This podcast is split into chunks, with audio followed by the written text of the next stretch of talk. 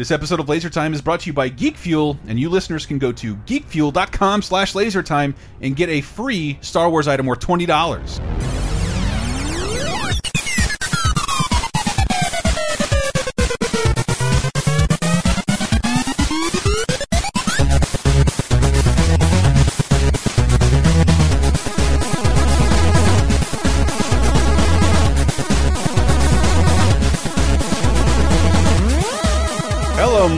Fada. Welcome to Laser Time, the internet's 17 leading pop culture show where we pick a new topic each and every week.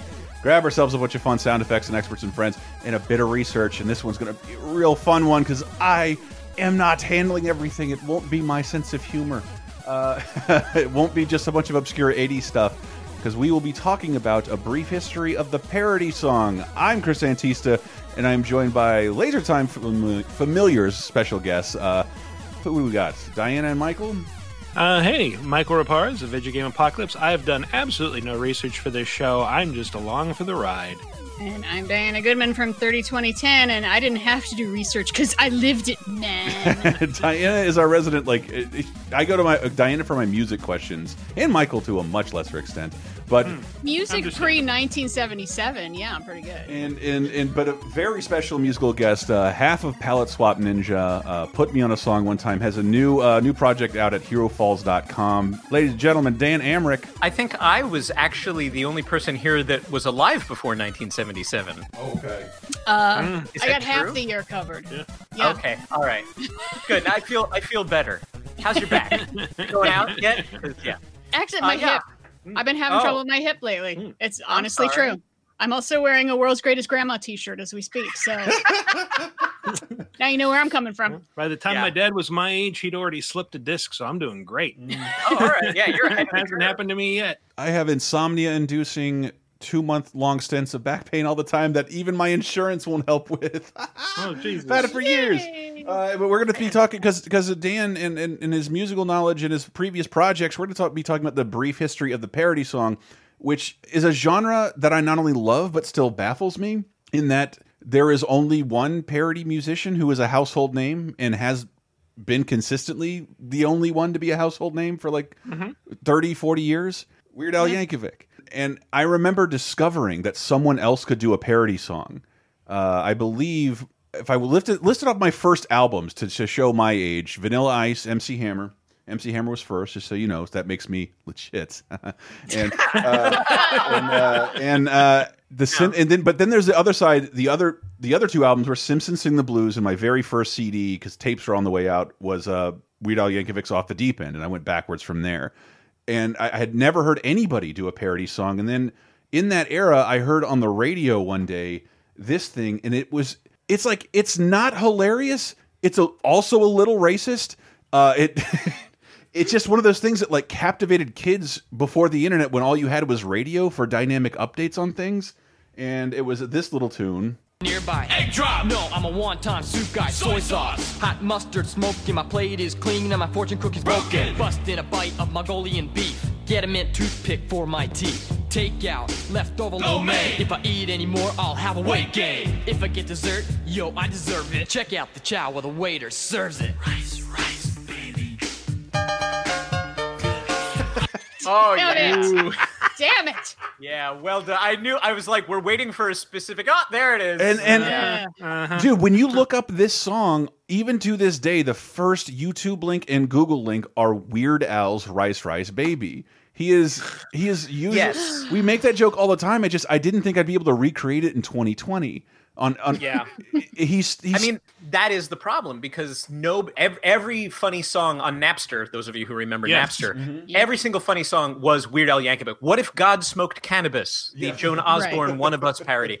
Weird Al famously works very clean, right? Like he's mm-hmm. not going to sing No, about he's, he's well known for his drug references and also a feminine voice. Yeah. right. Yeah. So, but and obviously, don't he's forget that like funny guy. sexist humor. He's really known for talking about Yeah. TNA just all the time. There Mm. is there is one dirty joke that I can think of in the entire Weird Al pantheon, and I wasn't even aware of it. I didn't even get it until last year, and that's in and, and I feel embarrassed about that. It's in one more minute, which is his torch song. You know, this love, this old sort of uh, Elvisy kind of swooning balladeer, and it's uh, not "I miss you, baby." It's "I'm so glad we're done." It's you know, I, I'm I'd rather do this, that, or the other thing than spend one more minute with you. I'm stranded all that song. alone at the gas station of love, and I have to use the self-service pumps. That is the closest to blue he has ever gotten. Then spend And one I more didn't- minute with you. I didn't get that it was supposed to be blue, but apparently it was. Wow. He snuck it in. So yeah, I was yeah, I was that- listening to him in, in- problem. in, in preparation that- for this. in the only real problems you'll ever find in a Weird Al song are pre prevalent throughout every bit of comedy in the 80s and 90s, and that's just a little tiny dash of transphobia. Like that's that's the Yeah. only thing you'll find. Mm. Mm. Yeah, I I mean, there's some fat shaming. You may remember he had a song about you know being fat mm. called Yes. "Fat." Um, Yeah. He's got but, more chins yeah, I than mean, Chinatown. That that lyric won't come back to haunt him.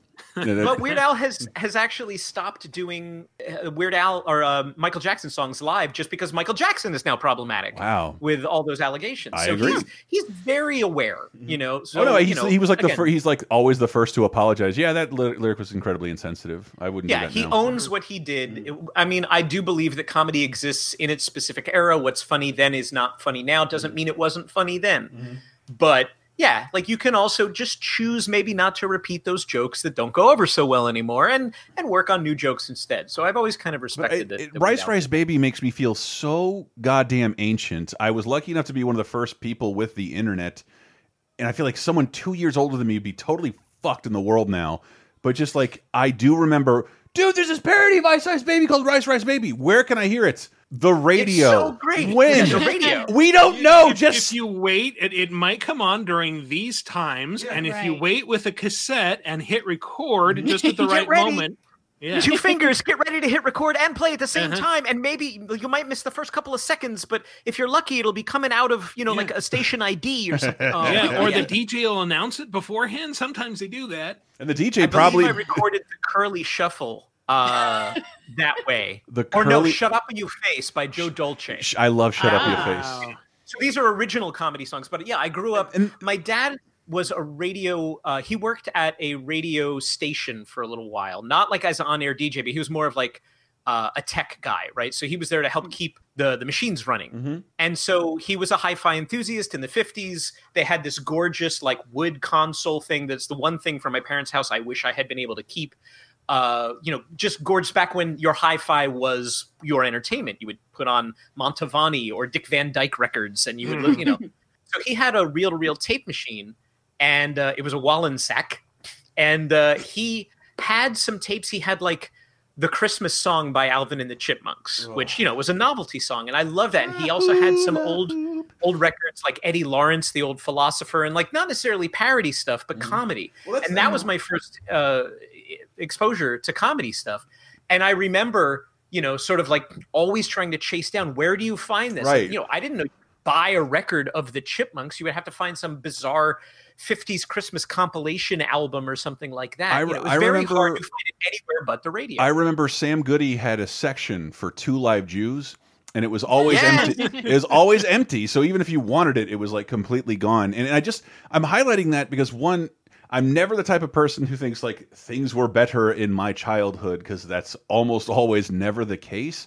right. But I do think that mainstream radio playing a parody of something sparingly is why it worked and why we think people like Al are so funny. Because if you have access to listen to this thing over and over again, it just gets less funny. You you can't listen to a funny song like how many times can you listen to a funny song?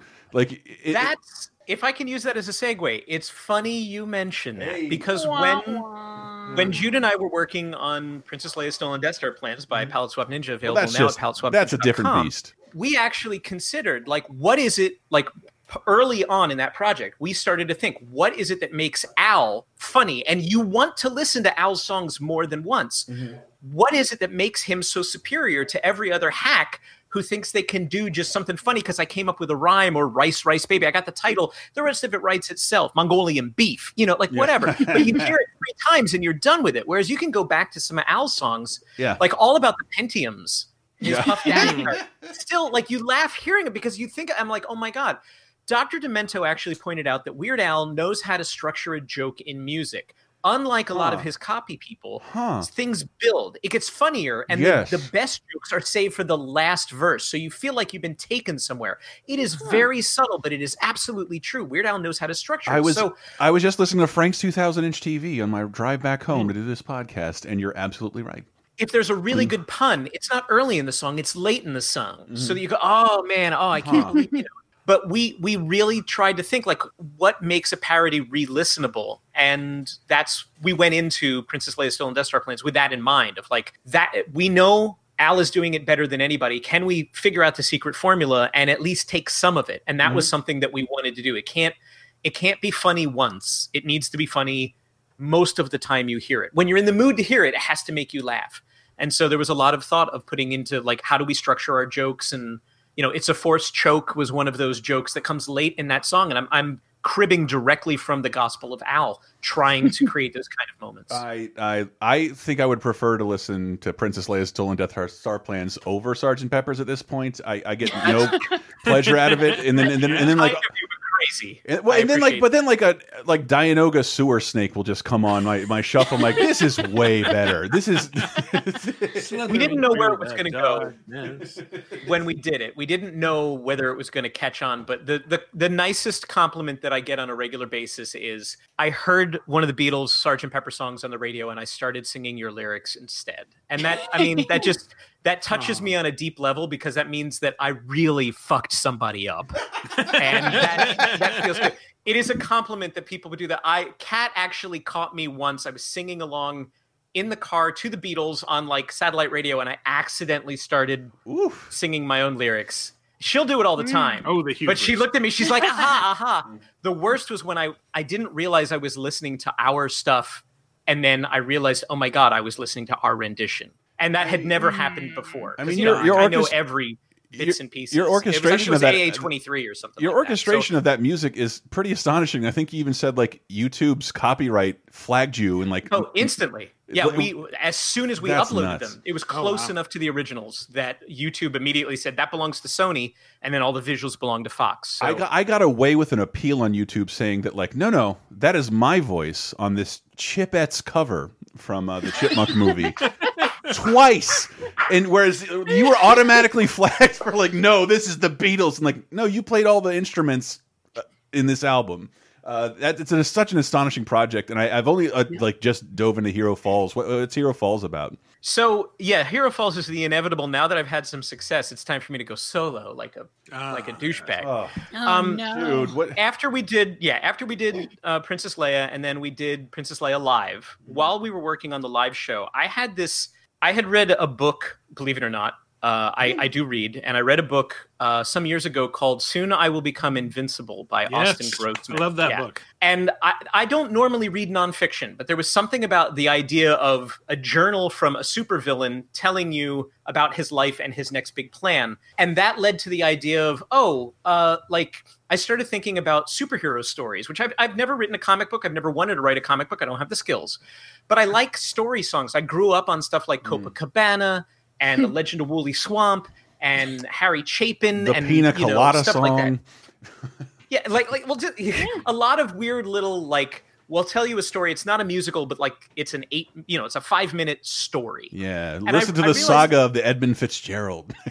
Yeah, you know, um, Alice's Restaurant is obviously an extreme example. I would not do a 15 minute song about you know eight impertinent glossies and the Mm-hmm. and the circles and arrows and you know, and I love Hey, that uh, stuff. On 30 2010, we just had Left My Wallet in El Segundo, and I forgot how detailed a song that is. It's not just that he left his wallet, it's like who was driving the car, when did they Right. Pull over, they got some gas, he talked to somebody. so Hero Falls came out of like an aborted song duet between a, a villain who's compromising his uh, his sort of uh, ideas about who he is. Like he was a brainy supervillain. The guy that I wrote was a supervillain who was brainy, and that's how he's going to beat him. But you know, like the the muscle guy always beat him up. So instead, he used his brains. He created a strength serum, and he was selling himself out. He's like, the only way I'm going to be successful is if I match them at what they have. So this is a I'm selling out my own principles, but I'll do it. And at the same time, it was supposed to be a counterpoint duet with a female hero who feels underappreciated. and says, "Fuck this! I'm you know like everybody that I'm beating is dumber than me. I'm gonna go and I'm just switching sides. They they didn't appreciate me, then they're gonna they're gonna regret it. Sister. And yeah, and then I realized that was impossible to write. Like the the villain side was super corny and I hated it, but there was something to the the hero falling that I Hmm. really liked. So I focused on that. I just stripped it all away. And then I realized, oh, Hero Falls, that's like it sounds like Niagara Falls Yeah. or Victoria Mhm. Falls. And so I realized that was my structure. I could make my own comic book universe because I learned from Princess Leia, you need to own the IP if you want to do anything fun. So I have created uh, like the skeleton of uh, this place named Hero Falls. I worked with my wife Kat to figure out why why are superheroes in Hero Falls? Why have we never, you know, why do people go there? Why are are things happening here that they don't happen in any other plausible American city? And every song that I write is just another moment in time for a character within that place. And I'm having a lot of fun going through and doing different songs for different eras. Uh, I've got some Hmm. songs that took place in like late last year. I have some songs that took place in the 90s. Give it up for me, the the sort of douchebag Superman guy who really just believes his own hype. He's not evil. He just he he thinks he's the party.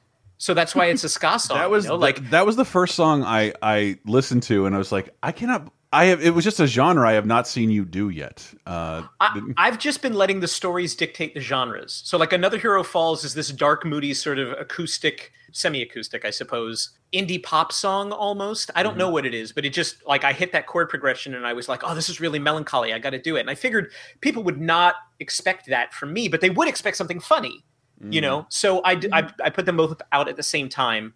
So that like people who were expecting Palette Swap Ninja stuff would get that. Meanwhile, Jude from Palette Swap Ninja is like, "Hey, hey, I have an idea for this thing. I have an idea." I'm like, "Yeah, man, I've totally gone solo." But he and I are working together on several parts now. He did the solo on Bad Scientist, which was my good guy scientist who's not a superhero. He wants to help all the superheroes, Mhm. so he creates gadgets for them. But he's a bad scientist, not a mad scientist. So they blow up in people's faces, or they electrocute the heroes. And so, like that darkly funny thing is very much my actual sense of humor. So I asked Jude to do like a keyboard solo on that. He ripped one out. It was amazing. So I'm I'm releasing a new song for free about every month. Uh, the next song that I have on deck for next month, Jude is a major part of the keyboards. I have actual symphonic instruments. Some of my friends from Awesome Orchestra uh, chipped in, and it takes place in 1973 and it's the definitive villain song. Like there is one arch villain in the in the city that I have not explained who he is. This is the song about how he grabbed his power. So I'm really proud of it. Um, I almost didn't do the vocals because I was afraid that my voice was not right for uh, like a big villain. But uh, yeah, so right now there are six songs. There are interconnections that maybe are not evident. I would invite people to try to figure it out. I would also invite people to come up with connections. Like if you have a, oh, you know what would be cool? I am actually open to sort of crowdsourcing this universe. I think it, that would be a lot of fun. So I have in my head, and actually I have a, you know, a Bible for, for the project.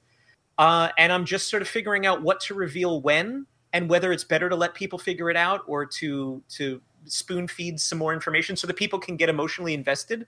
Right now, I'm a little frustrated because nobody is giving me any feedback on it. So I don't know if anybody's listening to it at all. Mhm. And I don't know if it's because I haven't given them enough to be like, oh, well, here's who this person is, and here's why you might care about that story that I'm telling.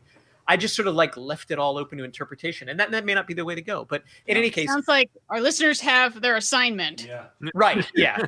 It's And- on all of the major platforms. if you want to go to there's Twi- a Spotify playlist. But go to Hmm? more importantly, go to Twitter and uh, give Dan head canon all the head canon you can. I yes. just- yeah, yeah, I would accept all the head, Head canon, you can. Sorry, I did not get that comedic pause right, so I'm not good at that's, this. That's all right. But yeah, if you go to um uh, if you go to herofalls.com, I have links to everything there. It's on YouTube for free. It's on Spotify and SoundCloud for free. You can download it for free from Bandcamp. You can throw me a couple of bucks if you want. If you want it on iTunes and Amazon for mo- real money, it's there too. I don't care. I just want people to listen to it. So yeah, that's that's the fun part. I haven't.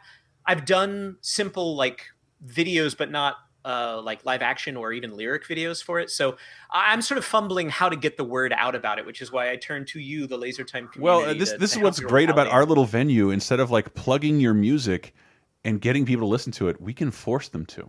Uh, Oh, okay. Well, as- that's great. Yeah, I'm. I'm we- all in favor of of that. As we But go, yeah, about what, what, what should we, every month, new songs. What So should we at, fun. at HeroFalls.com? But what's what's something you'd like to highlight as we go into a tiny little break before we talk about the brief history of the song parody? Oh well, since we touched on uh, Palette Swap Ninja, I think we did a song that nobody knows that we did. Uh, there was a special project here in the Bay Area uh, where everybody brought songs and tried to retell Raiders of the Lost Ark, and we all picked a scene and then we wrote a song about it. And this was the first time that Jude and I had ever written something like that for this. So Palette Swap Ninja did a "They Might Be Giants" parody uh, to "Kiss Me, Son of God," which is one of their earlier songs uh, for when Indy has the rocket launcher trained on the ark and he says to Belloq that he's going to blow it back he's going to he's going to destroy the ark. And Belloq says yes blow it back to God. So that's this song it's blow it back to God which is very short uh, and this is Jude on an actual accordion. Seems you wanna cause more trouble and reduce this thing to rubble. So hey, Indy, blow it back to God. You'll destroy the only evidence that's left to prove that Moses was legit and got instructions straight from God. But it's history you're loving, so I'm pretty sure you're bluffing. So hey, Indy, blow it back to God. Thank you guys so much for listening. Wanted to tell you that this episode is brought to you by Geek Fuel. Geek Fuel premium delightful mystery box featuring 6 to 8 items and an exclusive shirt. We always refer to Geek Fuel like a birthday present you give yourself or as a gift to a loved one every single month because Geek Fuel is all about brightening up your day once a month with cool goodies featuring your favorite stuff like Marvel, DC, Nintendo, Pop Figs, Zelda, Halo, Star Trek, Ghostbusters, Doctor Who, Game of Thrones, Futurama. The list goes on and on, ranging from pint glasses, cards, posters, shirts, comic books, and each box is guaranteed to contain $50 worth of stuff, and geek boxes start for as little as $14 plus shipping and handling. If that weren't enough, you can go to geekfuel.com slash lasertime and receive a bonus Star Wars item worth $20 absolutely free. If you're looking to put a pep in your geeky step, consider Geek Fuel, and if you want that free Star Wars item, head to geekfuel.com slash lasertime.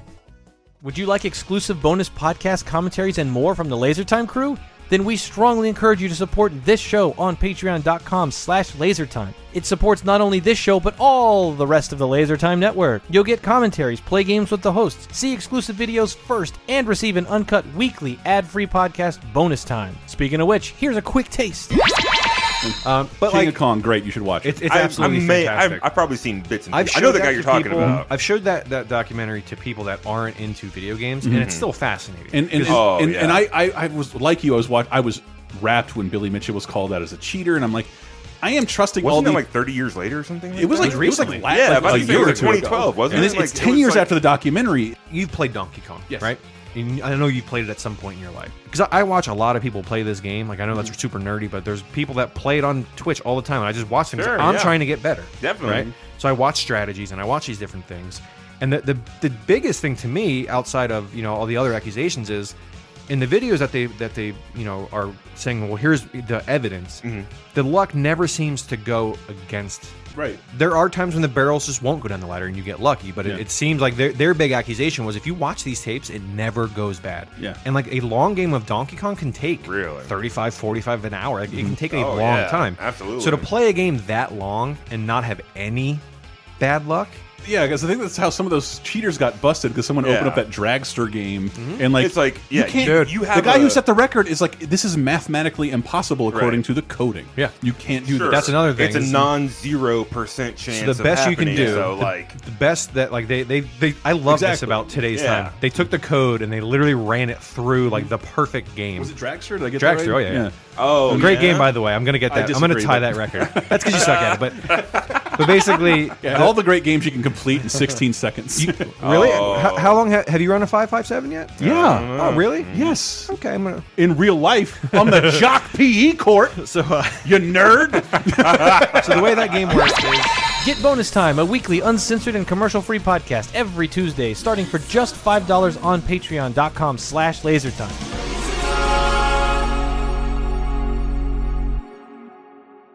Hello, fellow nerf herders. Did you not like Last Jedi, Rise of the Skywalker, or would you just prefer a majority of Star Wars fans take a slow walk into a volcano? What I'm saying is, are you sick of Star Wars? Well, I thought I was, but my co hosts Jeremy and Adam beg to differ, except when they don't. Get ready for a whole lot of love, a whole lot of hate, and a whole lot of geeky therapy in our new series, Sick of Star Wars, with a big giant question mark, exclusively available at patreon.com slash lasertime. Here's a little taste. My I, I think Obi Wan's pretty solid character. I mean, he, he's my favorite character in the in the trilogy by far. I, and I've seen Um, I've seen defenses of it because like Obi Wan is boring in Phantom Menace, and Yeah. when he's whiny.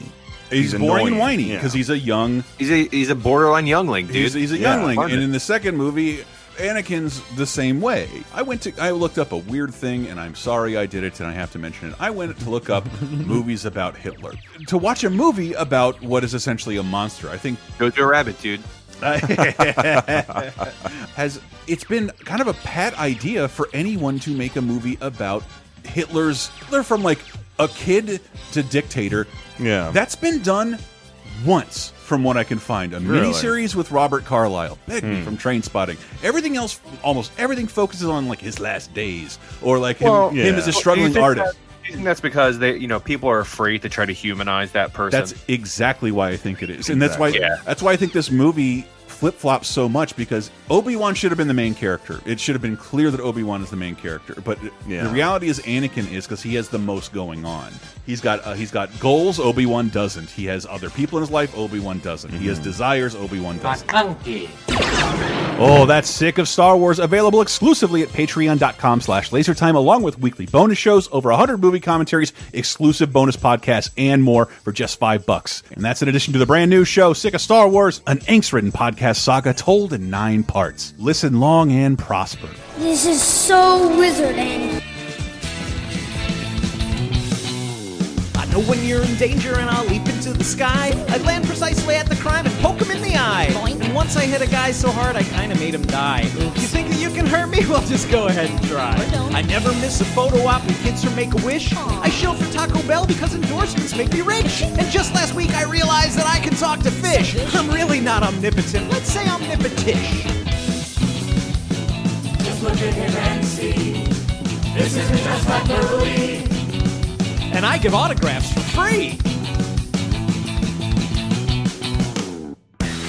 So let's give it up for me. Did you see me on TV? Yeah.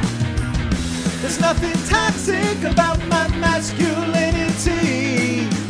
Coming back into Laser Time's Brief History Song Parodies with Give It Up For Me by uh, Hero Fall, by Dan Amrich, which you can get at Hero Falls for free. Did you say free? Nothing? I said free. Not. I'm happy to take your your money on Bandcamp, but you, it's also downloadable for free or streamable for free.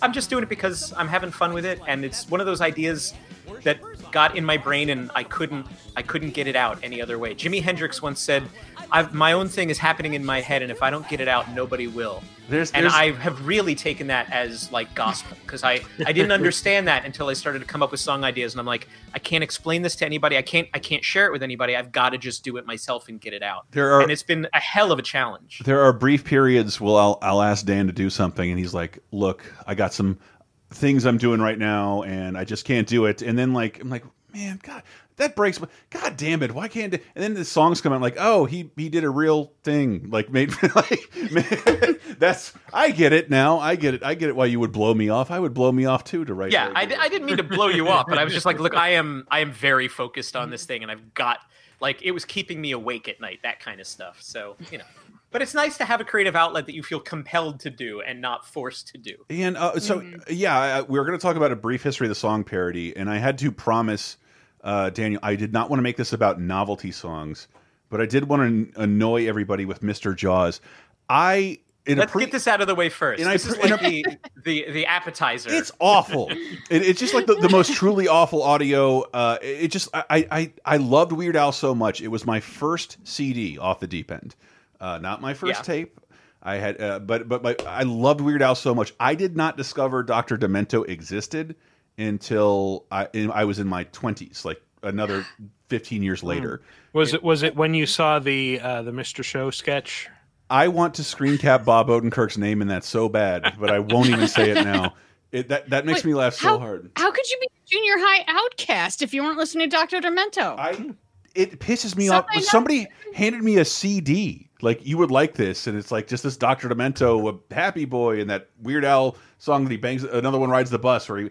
And I was like, "This is a show that's every week, and it's is it still? Is he still alive? Like, who, who believe so. knows? Oh, maybe I, I was vaguely aware of him in like the late 80s early 90s Mm-hmm. because i was one of those creepy kids who had a modem and would go on like local bulletin boards before the internet was a thing and i'd see people talking about him but i had no idea what that was and it, yeah it wasn't until much later And yeah, I D- found Danny, out. I, I wanted Let's to, explain what Dr. Demento is. Dr. Demento is a show just for basically like weird comedy music. Mm-hmm. Um, fish heads, fish heads, roly poly fish heads. I think Ah, most people yes. know that tune, but like that's a Dr. Demento staple. yeah Weird Al got to by start Alvin on and Dr. the chipmunks according to napster Yeah. napster delivering accurate assessments of who an artist is And I wanted uh, to talk to Dan about this because I think it was a little easier for like comedy music projects to shine when it had like at least one hour on national radio, whereas now it just has to exist in the same field as all other music. Click on this instead of uh, fucking Drake or something. Like I, I can't even imagine. So Dr. Demento.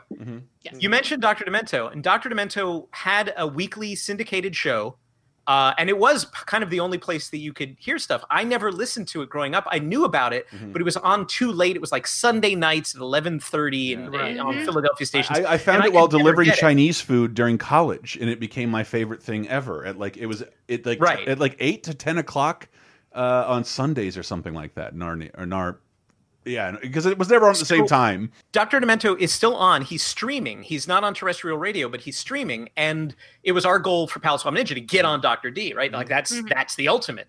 And so we submitted a couple of songs, and we we were thrilled when he, I think he played Arcade Gaming Shrine first, and we were just like, "That's it! Like we can retire." We I'm in that video. I'm in that Yes, you are. yeah I am. Um, you watch me pretend to so- dance like a normal we actually human. Got, we got named Princess Leia Stolen Death Star Plans. Like the first two songs were named one of the top ten, uh, or the yeah, the top ten songs for the year that we put them out, 2017, on Doctor Demento. Huge, Wow. huge honor for us. So. Uh, and you mentioned Fish Heads. Not only is it not by Alvin and the Chipmunks, thank you very much, Napster, but it's by Barnes and Barnes. And Yeah. Barnes and Barnes, Mm. one of the two guys in Barnes and Barnes, Billy Mumy from Lost in Space. Hey! really Swear to God, that's And- him. and of Bless the Beast and the Children fame. Wow. he was also on um Yeah, he was on one of uh, babylon Andromeda? 5 Babylon, Babylon 5. 5, Thanks. Yeah, he was on Bab 5. Yeah. And so- the video has Bill Paxton in it. Before anyone knew Bill Paxton. wow. that's right. And, and That's yeah, right. like anyway. I can throw down my stupid nerd logic. I, I'll, Information, I, come as, out. As a kid, all I wanted was more stuff like the stuff Dan makes, and it was it felt impossible to find. And I feel, and I, I hate the where we are now, where I feel like there's a glut of this that is difficult to find. Well, Mm. there, there is actually uh a, an organization called the FUMP, the Funny Mm-hmm. Music Project online. they're they're very insular. Uh, like you're you're one of the cool kids or you're not one of the cool kids, but there's some Mm-hmm. really funny people in there doing a lot of stuff. The problem becomes that they sort of, oh, you're funny. No, no, no, you're funny. No, you're right. I'm funny. Or everybody laugh at me. Haha, I'm funny. It's uh, it's kind Mm. of like exhausting. But that there is a funny community, com, uh, funny music community online, Mm-hmm. and that's that's where they live. Uh, as they've, they've just done it for themselves because they realize they don't have any other outlets. So it just it's so uh, weird. Like if you really go back before most of us were born, like comedy and music weren't completely separate. Like almost every band had a comedian open up for them uh, Right. back in the Mhm. day, and and and it just like I think I think that I think parody by parody songs it allowed funny people to Trojan horse into top forty radio by using a popular song as their Trojan horse. Sure. I, I'm not good with words. I'm sorry, this is my job. Uh, but, but Yeah. you were talking about Dickie Goodman. Yes, there Dick- I was talking about a Dickie hot Goodman second. I want to I want to bring it back to Dickie Goodman. that No relation. You should be glad of that. oh Dickie god, Goodman invented a song a, a song style that is called the break-in. the So break-ins. this is yeah, Dickie Goodman invented this in the 50s with a song called Flying Saucer, where he pretended to interview a man from outer space. And the whole thing is he's talking like this. And he would set up dumb one liner jokes and then he would edit together singles from popular songs that were on the radio to answer his questions. And it's the dumbest form of comedy. It was so easy to do that then you had tons of people uh, copying it. But the worst part is that Dickie Goodman did this for over 20 years. And Yeah. that's what Chris has found. Yeah, it, it was all Jaws, Secret- Mr. Jaws. He's interviewing the shark from Jaws. and he and he Oh. he's so creative. He named him Mister Jaws, and Right. and, Mm. and and it's this is 1975. It, this to me is excruciating. But I, just when we were talking, whenever we do Dirty Christmas, when whenever we did those two episodes of Dirty Christmas songs. Everybody who worked in a radio station had a leg up over every other musician by having access to professional equipment, and they all made crappy music song like Christmas song parodies of public domain music. And I, th this irritates me. That it's, the reason why I want to highlight Dickie Goodman is because like he had access to some technology that most people couldn't fathom. Because this you'll think is so fucking easy. He uses popular music to answer questions comedically. The best thing you could say about him, I think it was on MeTV, it is actually a pretty good snapshot of pop culture if you know the year this song is released. For the rest of you, this is going to be excruciating. Like, We are here on the beach where a giant shark has just eaten a girl swimmer. Well, Mr. Jaws, how was it? And what did she say when you grabbed her? Please, mister, please. I know sharks are stupid, but what did you think when you took that first bite? How sweet it is. Mr. Jaws, before you swim out to sea, have you anything else to say? I am so upset. I am I am so upset. that goes on for like two minutes. And the worst thing- Wow. he did one on Star Wars, which is even worse. It's not, it's like 0% funny. And, And I know Star Wars funny. and this uh, and yeah. I think I said this to Danny's like this made it to number 4 on the Billboard charts I ju- in 1975. Wow. Lower standards, man. Wow. Yeah. So, that's that's the More drugs. appetizer because that's Yeah, not, I don't worse drugs. a More of it. parody song, right? Right. Like that's that's different. But it is it is comedy on the radio, and then of course I remember hearing a local one from my local station. They did a break in with ET. They did the same exact thing, It- but it, it- was local. And you know, like, oh, once every two hours, it was in heavy rotation, and we'd all tune in. We're like, that was hilarious, and we would tape it off the radio, and then we're like, no, we just didn't know any better. It's, Yep. it's radio is still like such a crazy memor for, memory for me because I kind of buried it. I remember at five o'clock every Friday they would So did video. the oh, the, the, the the a radio station would play that song like I don't want to work I just want to bang on the drum all day. Todd Rundgren, I love that. Yeah, it would. That's the only time that song would play on that radio station, and like I knew somehow if I'm in my car at five o'clock, like make sure you turn it to Gulf 104 and That's right. listen Yeah. to this. There was a Bay Area. we- I think oh, Live I 105 used to play "Smoke Two Joints" like every mm-hmm. day at 420. Mm. Yep. Wow. Yep. And then leave it on there for 7 p.m. and we get the let out. What's that? Remember, they'd the also let play out. it like It's every 15 minutes during my morning out. commute. Wow. I, I swear, I I think I liked a lot of things more when I had less control over them. Now I feel res Yeah. when you feel responsible for all of your un entertainment, you're like complicit in its goodness or badness, and it's Oh, made it's everyone so- awful. It's so kind of depressing though. Just this is a weird tangent kind of, but how radio is different everywhere and yet the same everywhere. Mm-hmm. Like if you've ever taken a road trip across the country with just a radio, no satellite radio, just regular AM FM radio. Every time you enter a new market, you got to spin the dial and you will find pretty much the same station, only now it's called something else. It's like here we got 1077 The Bone, classic rock, and then you get out towards Salt Lake City and all of a sudden it's the Eagle. Getting the light out at 7 p.m.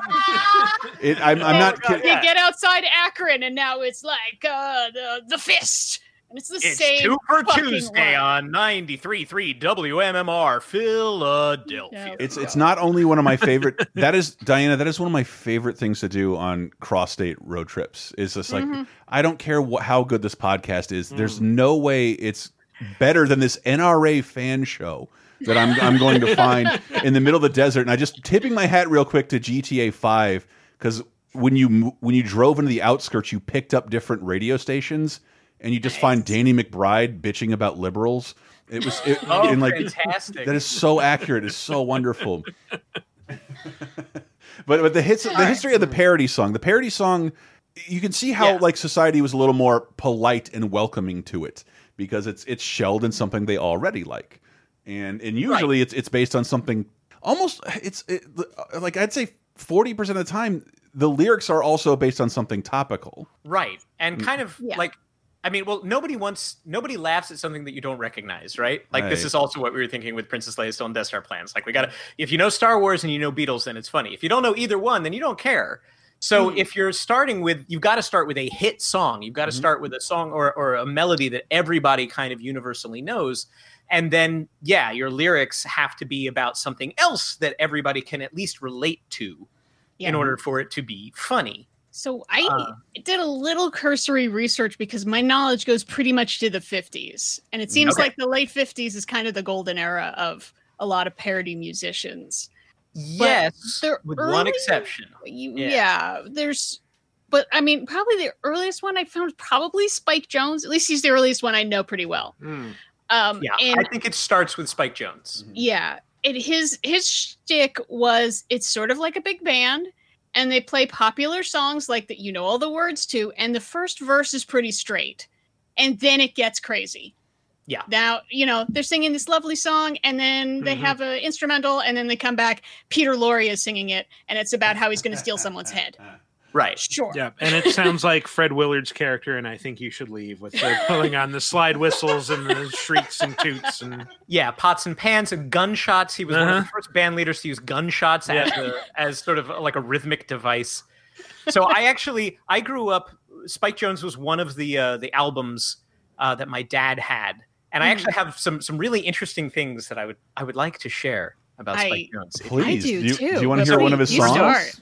Just Well, So do I, his- actually. His dad worked for the railroad and he was a really skinny kid so that's how he got the name spike to begin with.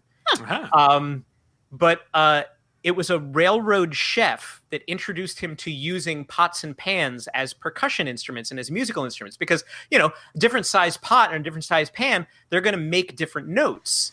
So it was not only just hitting them for rhythm but he would do melodies on pots and pans well, Um, I, I think I, I could also also say, I forget the name of the instrument, but like uh, that instrument they would have at silent movie theaters that went along organ? with. Uh, it's not an organ. It's if you've never seen it, it's one that has like pull cords and fucking horns in it. Uh, it's it- Oh, it- I forget God. what it's called. It's amazing. There's still like a, a, like a like a hundred of them left in the country, but Right. Like that- they think Fred Willard was playing, and I think you should leave. but, but, he's yeah, I think that I think he is playing one of those. Uh, Yeah. It has a really lame name, but like a, like an American piano. But it was for silent movie theater houses, and it it it not only had uh, sound effects for regular movies, it had to have sound effects for silent cartoons. And when I hear Spike Jones music, I'm like, oh, I wonder if that's based on these like vaudeville uh, pre-sound era days because like a lot of dongs, not those kind, but just like, but just but also those. Kind. but like to use gunshots and smacks as comedic harmonies. I don't know. I just thought it was Right. really interesting. Yeah, I mean, not really. I mean, he was just sort of fo- he just found it funny, so he just he just did that. I don't know if he was necessarily inspired. By the way, I love that. I hope it's called the American piano because it seems to serve no purpose. It makes no sense, and it's extra loud. So of course it's the American piano, um, as opposed to the stately European. the, the, the piano. piano can't stop blaming Bill Gates for the COVID nineteen Right, virus. exactly. Yeah, this piano's going to burn down 5G towers. Um, so yeah, like Spike Jones was actually a percussionist. He was a drummer. Uh, he played percussion on the soundtrack to The Wizard of Oz in 1937. Like straight up, like legitimate musician. Uh, I'm sorry, not in 1937. It was before that. 39. Yeah, 39. Two years earlier, you're going to love this. He was the drummer for the band, the orchestra that was at the Academy Awards ceremony at the Biltmore Hotel. I got to stay at the Biltmore Hotel when I was in LA a couple of years ago. And that was a huge deal for me because that's the Sedgwick Hotel Yes. from Ghostbusters. Yes. Right. They- so the ballroom there, the Crystal Ballroom, was where they had some of the like for like uh, six or seven years through the 30s and early 40s, where they had the Academy Awards. The- yeah, the And I remember- unbroadcasted Academy Awards. Yeah. They've got this beautiful photo in the Biltmore, like blown up to wall size of like one of the group photos that they took at the 37. And there is Spike Jones, uh, like recognizable on, and I was like, that looks like Spike Jones. And I go through all the mouse type of like the hundred people that are in this, and it's just Spike Jones. I'm like, oh my god, the Spike Jones. So Oh, Jack was a Nicholson was there all alone, but Spike Jones. Spike Jones. right yeah like i don't care about like clark gable or any of those guys in the audience screw Yeah. those dudes that, you know so um yeah he was very popular doing like parodies of famous songs on the radio at the time laura uh, he did a zany version of cocktails for two that's one of his most fam- familiar songs um he actually did go to number one with a christmas song all I want for Christmas is my two front teeth. It was not a parody; it was an original one. But a lot of Oh, people wow. know of that. Dred Zeppelin later covered that with. Yeah. Uh, so you know, if you want to get really dorky, but yeah, that went to number. I mean, that's that's the era you were in, where you could have a funny song. The only song I can think of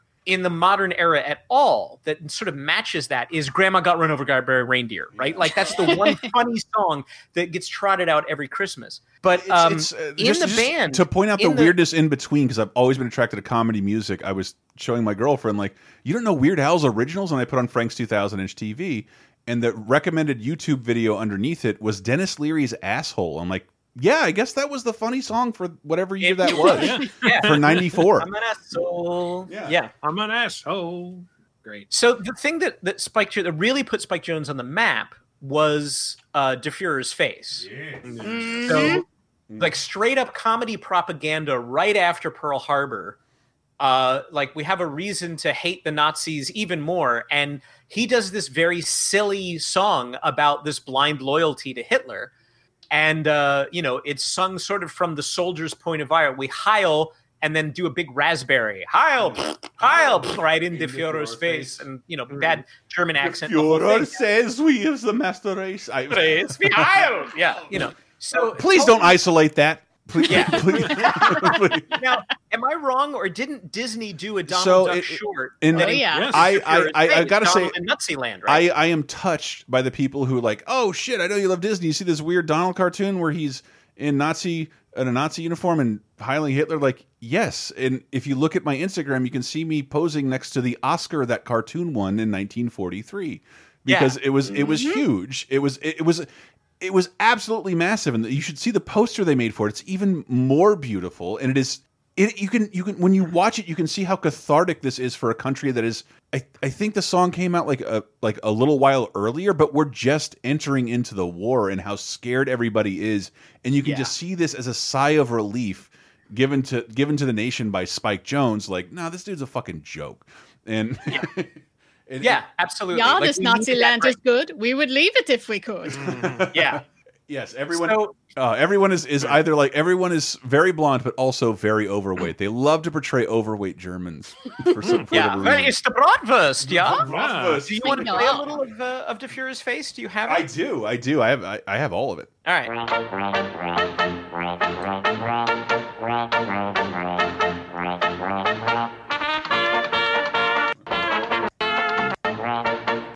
Like, you can hear some washboard in there. Wenn der Führer says, wie ist der Master Race? Wie heil, heil, right in the Führer's face. Not to love the Führer is a great disgrace. So wie heil, heil, right in the Führer's face. I, I I don't know, man. This I I've watched this cartoon so many times. I was shocked to find out it existed initially, but when you see it in the context of both when Spike Jones wrote it and when Disney made that cartoon, like everybody needed this so bad. Yeah, And- yeah. It was Yeah. it was like the it we we we think about propaganda as a negative thing uh, now because it is, frankly, you know, in the world that we live in. But that we needed something to rally behind. Mhm. You know, like the Mm. country really felt that it was doing the right moral thing. And it was easy to get, you know, this also turned ugly. There's a lot of things that we we we, we Yeah. regret about that era. But yeah, De face was a nice way to sort of take the piss out of Mm. a really Yeah. dangerous situation and be like, I- we're better than this guy. I have a really good comparison I can think of. The idea that, oh my God, this guy is so scary, but if we make fun of him, we all feel better. The South Park right after 9 11, Yeah, where, the- where they Yeah. go and play Bugs Bunny against Osama bin Laden and just call him a cocksucker. yeah, Yeah. It, it's why It's I watch. like, I watch. We needed that. and, and, and whatever I'm having for breakfast is always with a side of late night monologues because I have to. I have to have a side of humor for whatever the, the cruel imbecile that almost no one elected uh, did. Sorry, yes, that's where we are now. We're like, that's that's that's the guy we need propaganda against. Yeah, Yeah. the guy who lost the popular election. Yes. Yeah. Right. Mm-hmm. Yeah. So, my uh, can I have I can I tell my personal Spike Yeah. Jones story? Yes, please do. Here's my big revelation. I might not exist without Spike Jones. What? You were conceived to Dance of the Hours? Oh my god, this is great. yeah. Not quite. Now here here's the story. My parents met through mutual friends in college and went back to my dad's place because it's the 60s, don't judge. And my dad said, "Oh, would you like to listen to some music?" Would And you like put- to see my etchings? Yes. Would you like to listen to some music? And he put on Cocktails for Two, which, like I said, Spike Jones songs start with a straight verse. It just sounds like a romantic ballad, and then it gets whackety schmackety. And he Right. put it on for the just it starts with the romantic part. And my mom was like, "Oh, cool, Spike Jones." And that's when they knew she's a keeper. And then and then and then cue careless whisper and Diana. yeah. So I, Chris, I sent you a link of wh- what it is that made my parents fall in love. There you go. Queued up to the most romantic part. I, I never thought we would get so desperate for material that we would be playing. Here's what made our parents fucking make us. But it explains way more about me than you realize. It Okay. explains so fucking much. In some secluded rendezvous that overlooks the avenue, with someone sharing a delight. Chat, and that, and cocktails for two, as we enjoy a cigarette to some exquisite chansonette. Two hands are sure to slyly meet beneath a serviette with cocktails for two. My head may go. Oh my, my to her dying It's day. an amazing song. And Yeah. keep in Yeah. mind, this is before multi-tracking. Les Paul hadn't even invented multi-tracking at this point. Wow. They're playing that live in a room. You can you can like record. hear guys leaning into the leaning in and out of the mic for some reason. I can just Yeah. hear it. Yep. Yeah, I, I have a one Spike Jones related anecdote, and then I promise I'll let the smart kids talk. Uh, so I, in 2000, was fresh out of college, working as a newspaper copy editor, and there was a columnist at the newspaper I worked at, and I don't remember what his column about I, was about. I presume it was about being 400 years old and how awesome that is, but uh, I I don't remember. Why won't I die? I don't remember the column that predicated this, but I do remember reading the next week him saying several sharp-eyed readers have pointed out that Mairzy Doats and Dozy Doats was not by Spike Jones and his orchestra, but instead by the Pied Pipers. The copy desk must have fallen asleep that day. And I'm like, I'm 22. How the fuck am I gonna know that? Fuck you! I'm sorry, you don't have an encyclopedic knowledge. Bill's heart, I stab at thee. That's justifiable rage. It, it, it is. It's like I'm going to waste all your time with multiple paragraphs explaining who actually wrote this public domain tune. You would you wouldn't know unless Tootsie Roll put it in a commercial. Like like Right. Wow. Do you feel better now, honey? I, a little bit. Well Okay. done. I'm glad you got that out. This is therapy. yeah, stab Hell's heart while you're in there. That that seems fun. Uh, All right, so so I, I still have some shit that's going to blow your mind about Spike Jones. please, please. Okay. If you can believe this. So Besides, um he, he's such a great director, even though he must be at least 110. Yes. exactly. Yeah. Spike Jones, huge fan of the Beastie Boys. Yes. Um, if it's that is it Giovanni Ribisi played him in Lost in Translation, I already I know mean, this. n- none of this is going to top the fact that that Diana was conceived shortly after Cocktails for Two. Putting the cock in Cocktails for Two is pretty impossible to beat. But um, Spike Jones went on to do uh, a lot of his songs were parodies of like classical pieces. So he would do funny versions of uh, Hawaiian War Chant and Dance of the Hours. Uh, Dance of the Hours is one of my favorites because I think that's the one that's the horse race, and he has an announcer. Right. William Tell Overture has a horse race. William Tell Overture does the horse race, and then They- there's a car race both? for the other one. Oh, that's a car race. That's he right. sort of did the joke twice. The Yeah. announcer that he worked with through all of those was Doodles Weaver. and Doodles actually calls attention to himself. Uh, he'll make jokes about himself. People come up to me, they say, Doodles, Doodles. They say, Your hair is getting thin. And I say, Well, who wants fat hair? You know, like really bad one. Here's the amazing part Doodles Weaver has a niece, and her name is Sigourney. Wow. Whoa. wow. So so now we're back to Spike Jones at the Sedgwick Hotel in Ghostbusters. Wow. Um, he had he worked with uh, some famous people at the time. Uh, Billy Barty was in his band in the 50s and toured with him as part of the stage act. Also would- of UHF fame. Sorry, I mentioned that off mic. Yes, exactly. So there's there's another UH there's another Weird Al connection because Spike Jones is really where it all starts. He, uh, Al has mentioned that Spike Jones was was a uh, maybe not one of his strongest And influences. I, bel I, I I didn't do as much research as you did, Dan. Like again, this is Dan. Dan and Diana are going to be your historical uh, gatekeepers here. But like uh, one of my favorite cartoons in the history of the uni Looney Tunes is uh, the Three Little Bops by and Stan Freberg. I think is the guy who does that. yes, Stan Freberg. And and and he we'll was we'll get to? Stan Freberg. Yeah, he tomorrow. was he was sort I of guess by the, at the pace we're going. Sorry, you go ahead with your anecdote, Stan. My No, no, no. Go ahead, please. That- that he was. Uh, w- was, was no, he- I don't mean to cut you off. I'm was just he- saying, was like, he I meant- have so many factoids that it's ridiculous. Was he mentored by uh by uh he was mentored by uh Stan Free or uh, by Spike Jones? No, not really. Oh. Not that I'm aware of. Stan Freberg uh, sort of did his own thing. Yeah, but they, they I don't know, they're on a couple things together. Are they really? Did they work together? I did not know that they worked together. I believe you. Diana, is he telling the truth? I don't I- know.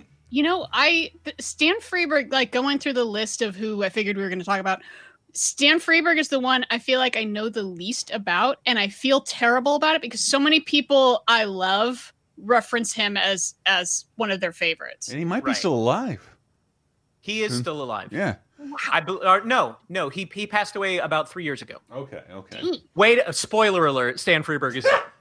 No. Um, You broke the So- embargo on his three year old death. Right. I knew that the joke will go over well with three people on this podcast. So, like all comedy musicians, Spike Jones wanted to be taken seriously. Mm-hmm. And uh, Jack Benny, famously a bad violin player, but he was actually an amazing violin player. And he went out on tour and did a straight violin concert. And people were like, but we want to see you make jokes. You know, Victor Borge, very much the same way. So he had two orchestras. He had Spike Jones and his City Slickers, which was the comedy orchestra with the gunshots and the pans and the and the slide whistles. And then he had Spike Jones and his other orchestra. And he would go out and do straight orchestral stuff because he wanted to prove we're legit. Uh, but nobody wanted to go see him. And this and he wound up just like not working with the other orchestra as much because people wanted to hear the funny stuff. So he kind of got trapped by it.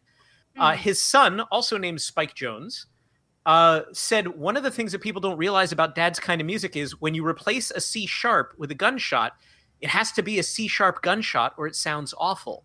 And I think that is actually the key. Wow. Is that when if you go and listen to Spike Jones, and again, you can find this stuff on YouTube, Spotify, any of those those free places that you can go to listen.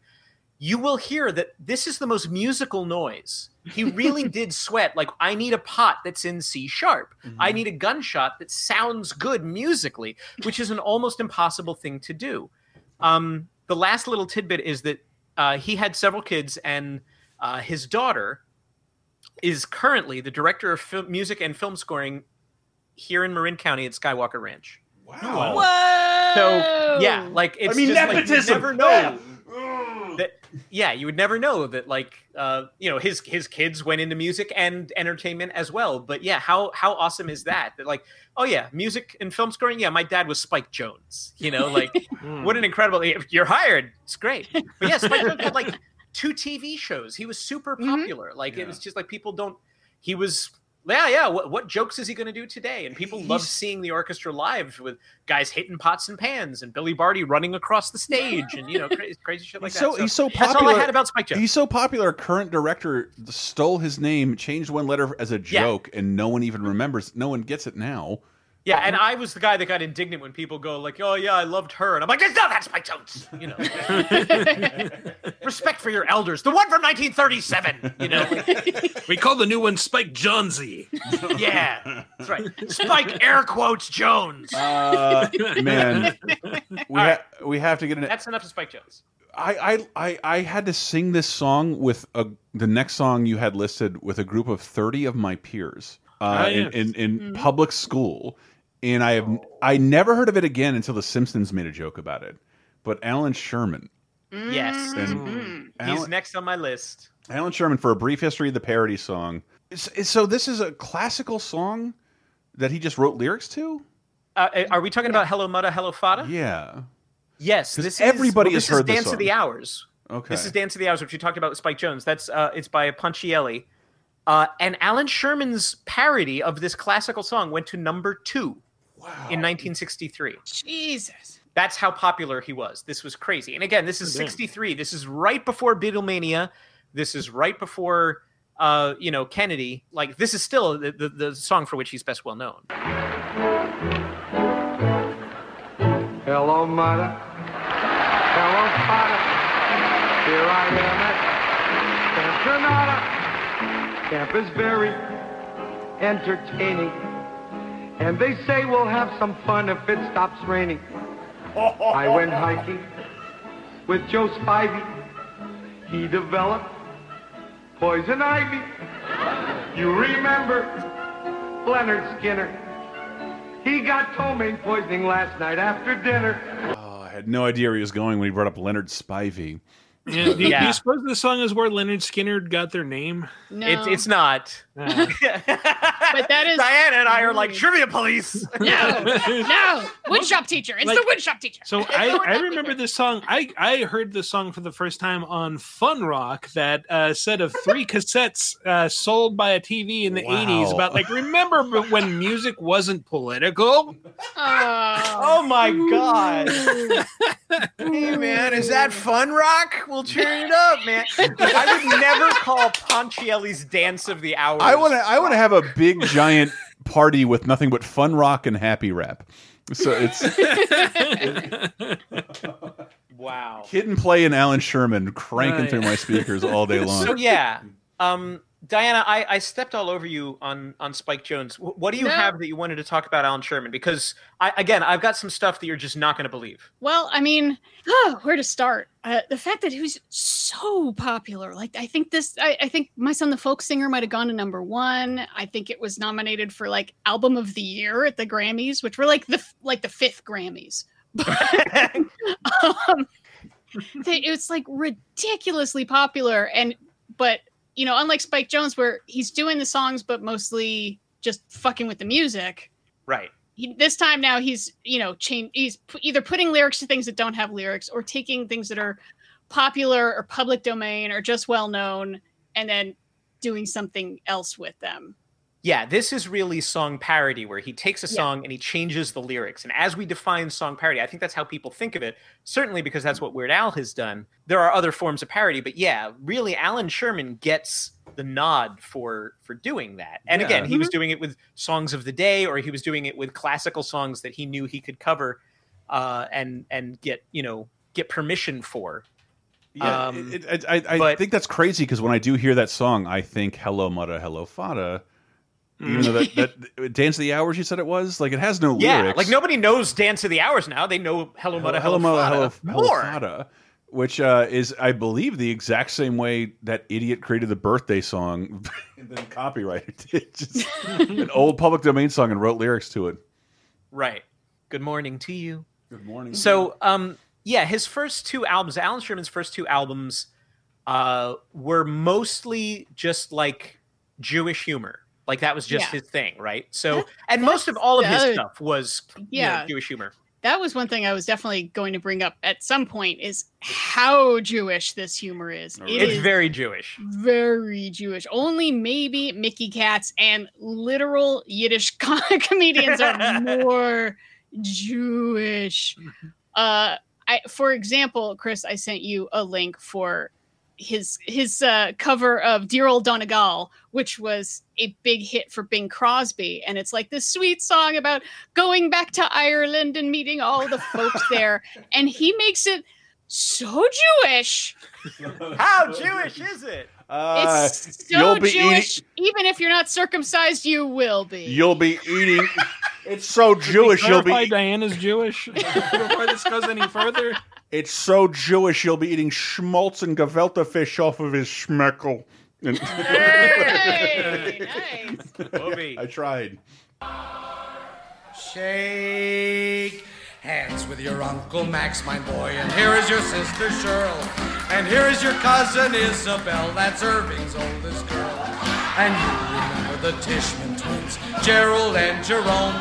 We all came out to greet you and to wish you welcome home. Meet Merowitz, Barowitz, Handelman, Shandelman, Sperber and Gerber and Steiner and Stone, Moskowitz, Lupowitz, Aronson, Berenson, Kleiman and Feynman and Friedman and Cohn, Smolowitz, Wallowitz, Teitelbaum, Mandelbaum, Levin, Levinsky, Levine and Levi, Brumberger, Schlumberger, Minkus and Dinkus and Stein with an EI and Stein with a Y.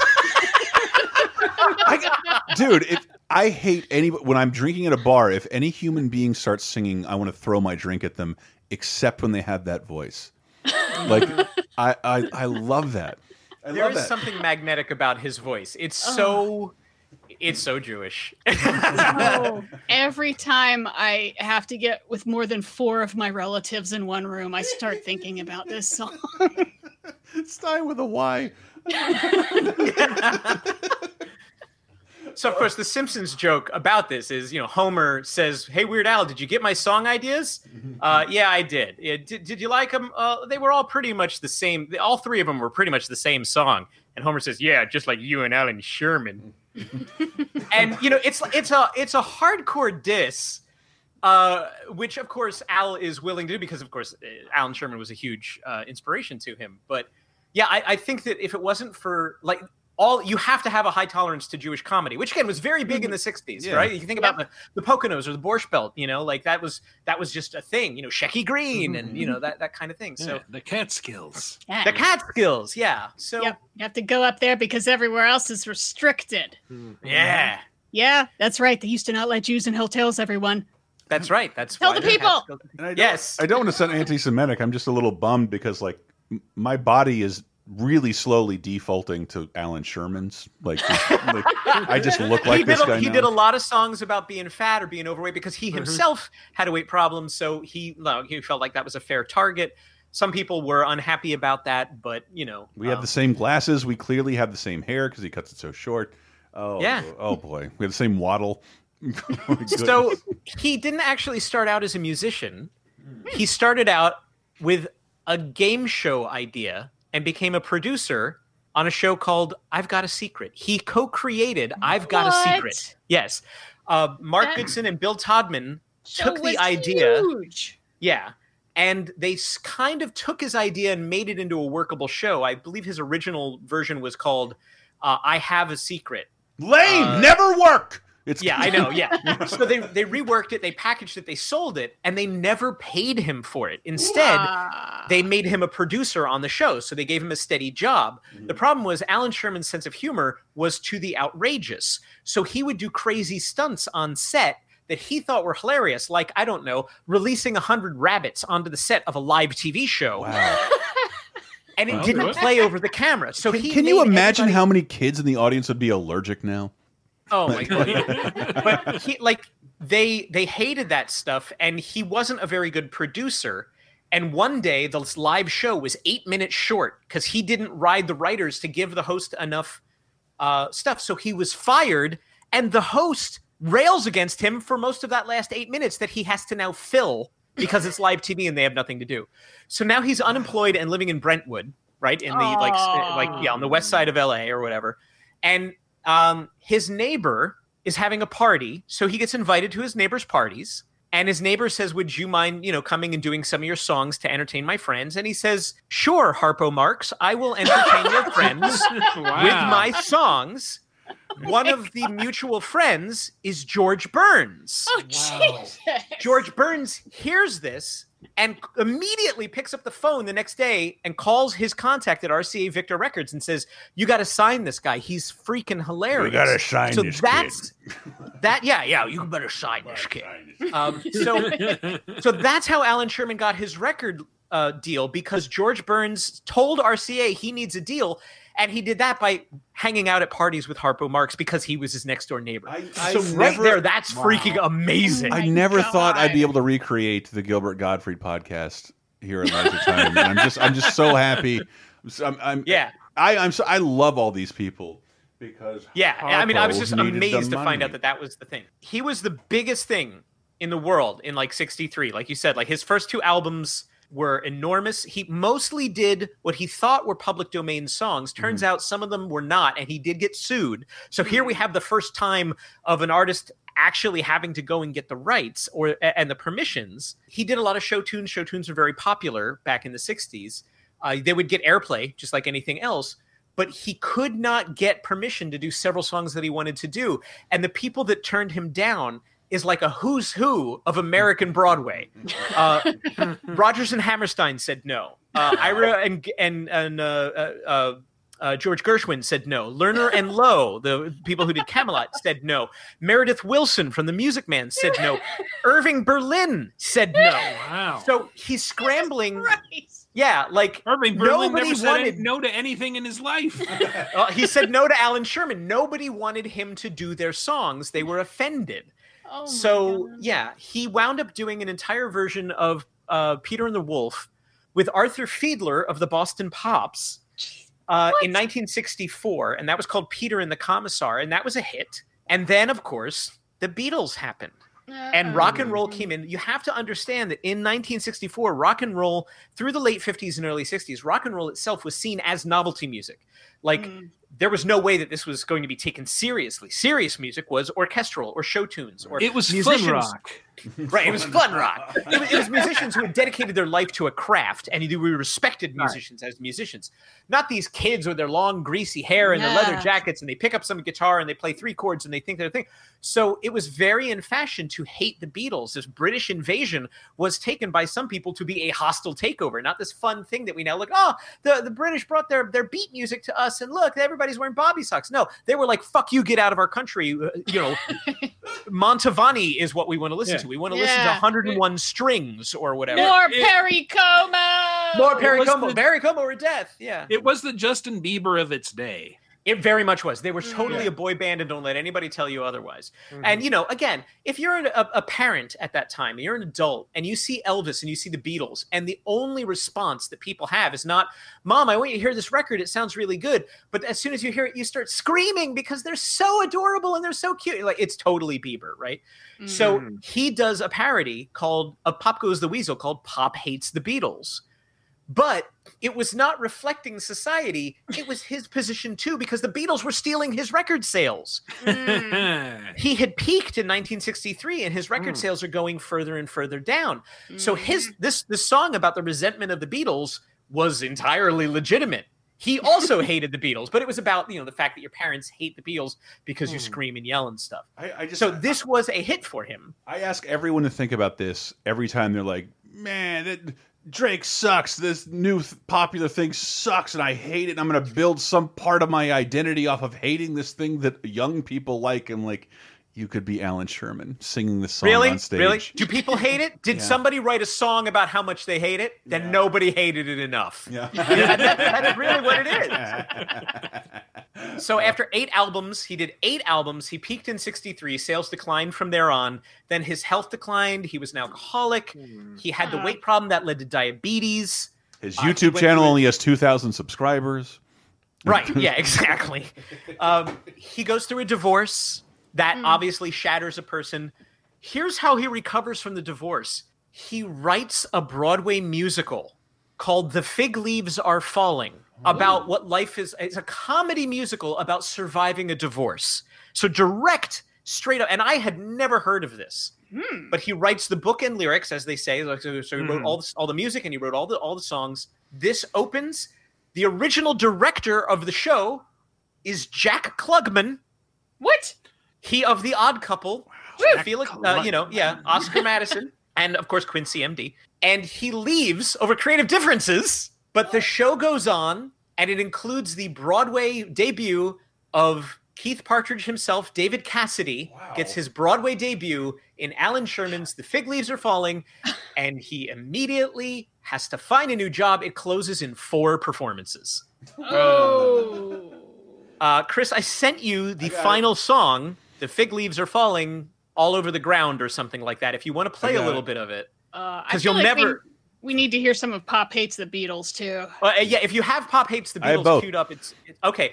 Do do Pop Hates the Beatles. I, yeah, I just want to like. I've seen so many versions of this. Uh, I don't know which one to play. I'm sorry, I didn't Um, realize that you did have that set up, or else I would have. Yeah, no, stopped. it's okay. Um, there's what if what if it? Would you like to hear it performed by Dean Martin and Vic Damone? Uh, Oh God, yes! What? yeah. Well, Vic Yes! uh, I mean, those guys had fucking grudges against the Beatles. Oh, yeah, yeah. Stealing their audience, man.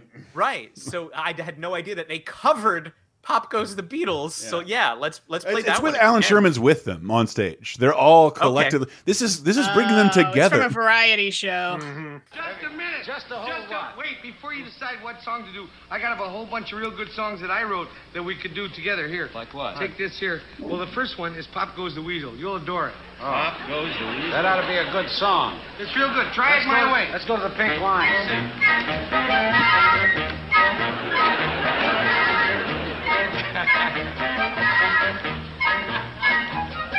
My daughter needs a new phonograph. She wore out all the needles.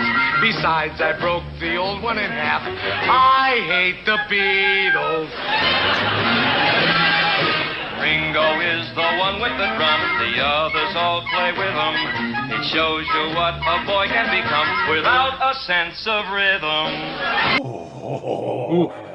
It's it's brutal. They're What's just, it like to be so wrong?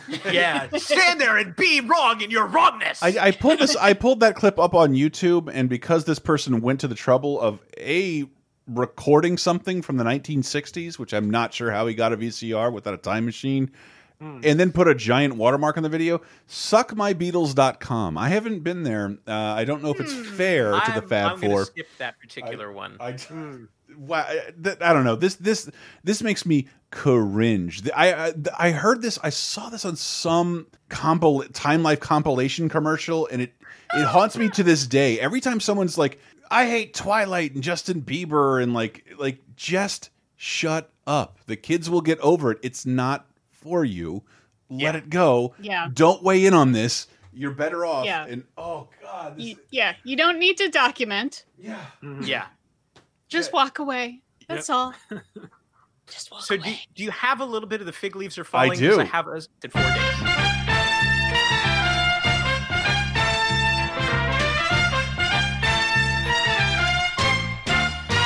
Love it already. The fig leaves are falling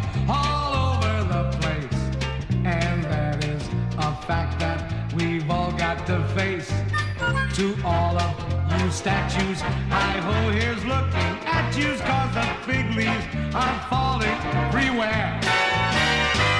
The times are changing, yes, that's how it looks. In songs and in movies, in plays and in books. With each day, that censor gets nervouser and tenser as the fig leaves go falling everywhere. Good lord, that is like Like the wordplay is actually pretty good. I- I'll give him that. But mm-hmm. you will you will never Style hear. of music was very popular at the time for fucking squares. Yeah, Yeah, Like that- I, all I can see this music used in in a modern setting is ironically as you watch like a Nazi go to buy a gun. Like the- the- stuff is changing and I don't care for it. And Yeah. So imagine, if you will, two acts of music like that. Because every everything that I've dropped the needle on on that that soundtrack, it's all Alan Sherman doing things right on the beat, and yet, you know, and so you know, it's there's just no swing to it at all. Like you said, it's for fucking squares. So Uh. New York Times, the venerable gray old lady, stage critic Clive Barnes, very famous stage critic. Here's the choice line from Clive's review. There is nothing much wrong that a new book, new music, new lyrics, new setting, new direction, new choreography, and a partially new cast would not possibly put right. so, I mean, so you can leave. Yeah, you can leave. Now, Alan Sherman also did a musical version of The Cat in the Hat.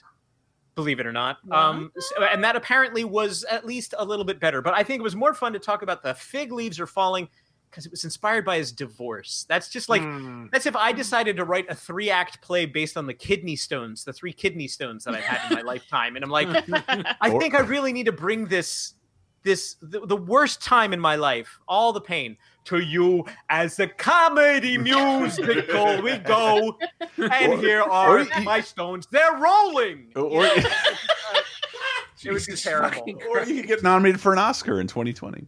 Uh, so there we go. That's that's Alan Sherman. But again, Alan Sherman, huge influence on Weird Al. Yeah. Uh, the idea of taking a popular song, placing new words over it, telling a different story. That is the key to me of what parody music is. And Alan Sherman absolutely was the pioneer doing it. Uh, probably with songs you might not necessarily recognize, or with a lot of songs that you would recognize and not know them by their names. You know, you know their Mm-hmm.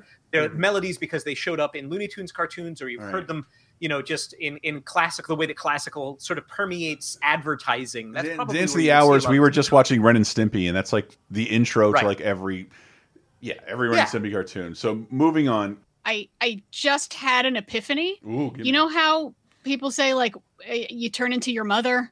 Mhm. Well, I've realized, oh yeah, I've I've turned into my mother in ways I never realized before because you know how Cocktails for Two is like my parents' song. Uh, Michael and I have a similar story. Our song is Eric the Half a Bee by Mhm. Monty Python. Yes. ho ho ho. Tee hee hee. Eric, Eric, Happy. Yep, that well, was it's because of an email exchange. yeah because you you were we were chatting or something online and, uh, and we we'd keep like switching the subject lines to something silly, and you switched yours to Cyril Connolly, and I said no, semi carnally. and I realized that is a deep, deep, That is obscure deep Pon- Monty Python cut. Yeah. Maybe this guy's okay. I did not. Yeah, I maybe this guy's okay. I did not get this, and I, I, I, I am. I want. I want people to. I, I know I'm revealing myself by saying I don't know where the comedy music is. Means a I'm not giving shout outs to people like Dan and and, and Hot Dad, but also like I'm sure it exists all over the place. I, if you haven't seen the Hulu hmm. show Dave, based on Little Dicky, it's hmm. wonderful. It's uh, a guy who started out as a parody rapper and then sort of developed into a real rapper, and it's a show about that. And it's really, really, really funny, and the best use of digital shit I've seen all year, all year. Dave, just plug in Dave real quick. But our, our next, our next per, per, parodius, parodiist. Sorry, I've been Yeah. playing a lot of meme. Um, Parodist, but we can go with the old Parodist. Konami shooter if you want. oh, you mean parodius? Ha! Or however, uh, never mind. Sorry. Uh, but is it Tom Lehrer? Is that who you have listed? It's Tom Lehrer. Mm-hmm. Yeah, uh, Tom Lehrer is uh, one of the main uh, influences that that Weird Al always talks about. Um, Tom Lehrer is also my favorite person on this list by a mile. Um, Hmm. I have their their you know you people always say oh if you could have dinner with anybody who would you want to have dinner with Mm-hmm. um, th- there were three people that I have considered to be creative geniuses, uh, and two of them are now dead. It's John Lennon, Douglas Adams, and Tom Lehrer. And Tom Lehrer is still alive and living in California and or Boston, depending. Um, but he was the original unbelievable rebel. Like he came from academia. He was extremely well educated. He went to Harvard. Mm. And in his side things, he would do these funny little songs on piano, but he would do them about things that were not appropriate to sing about at all.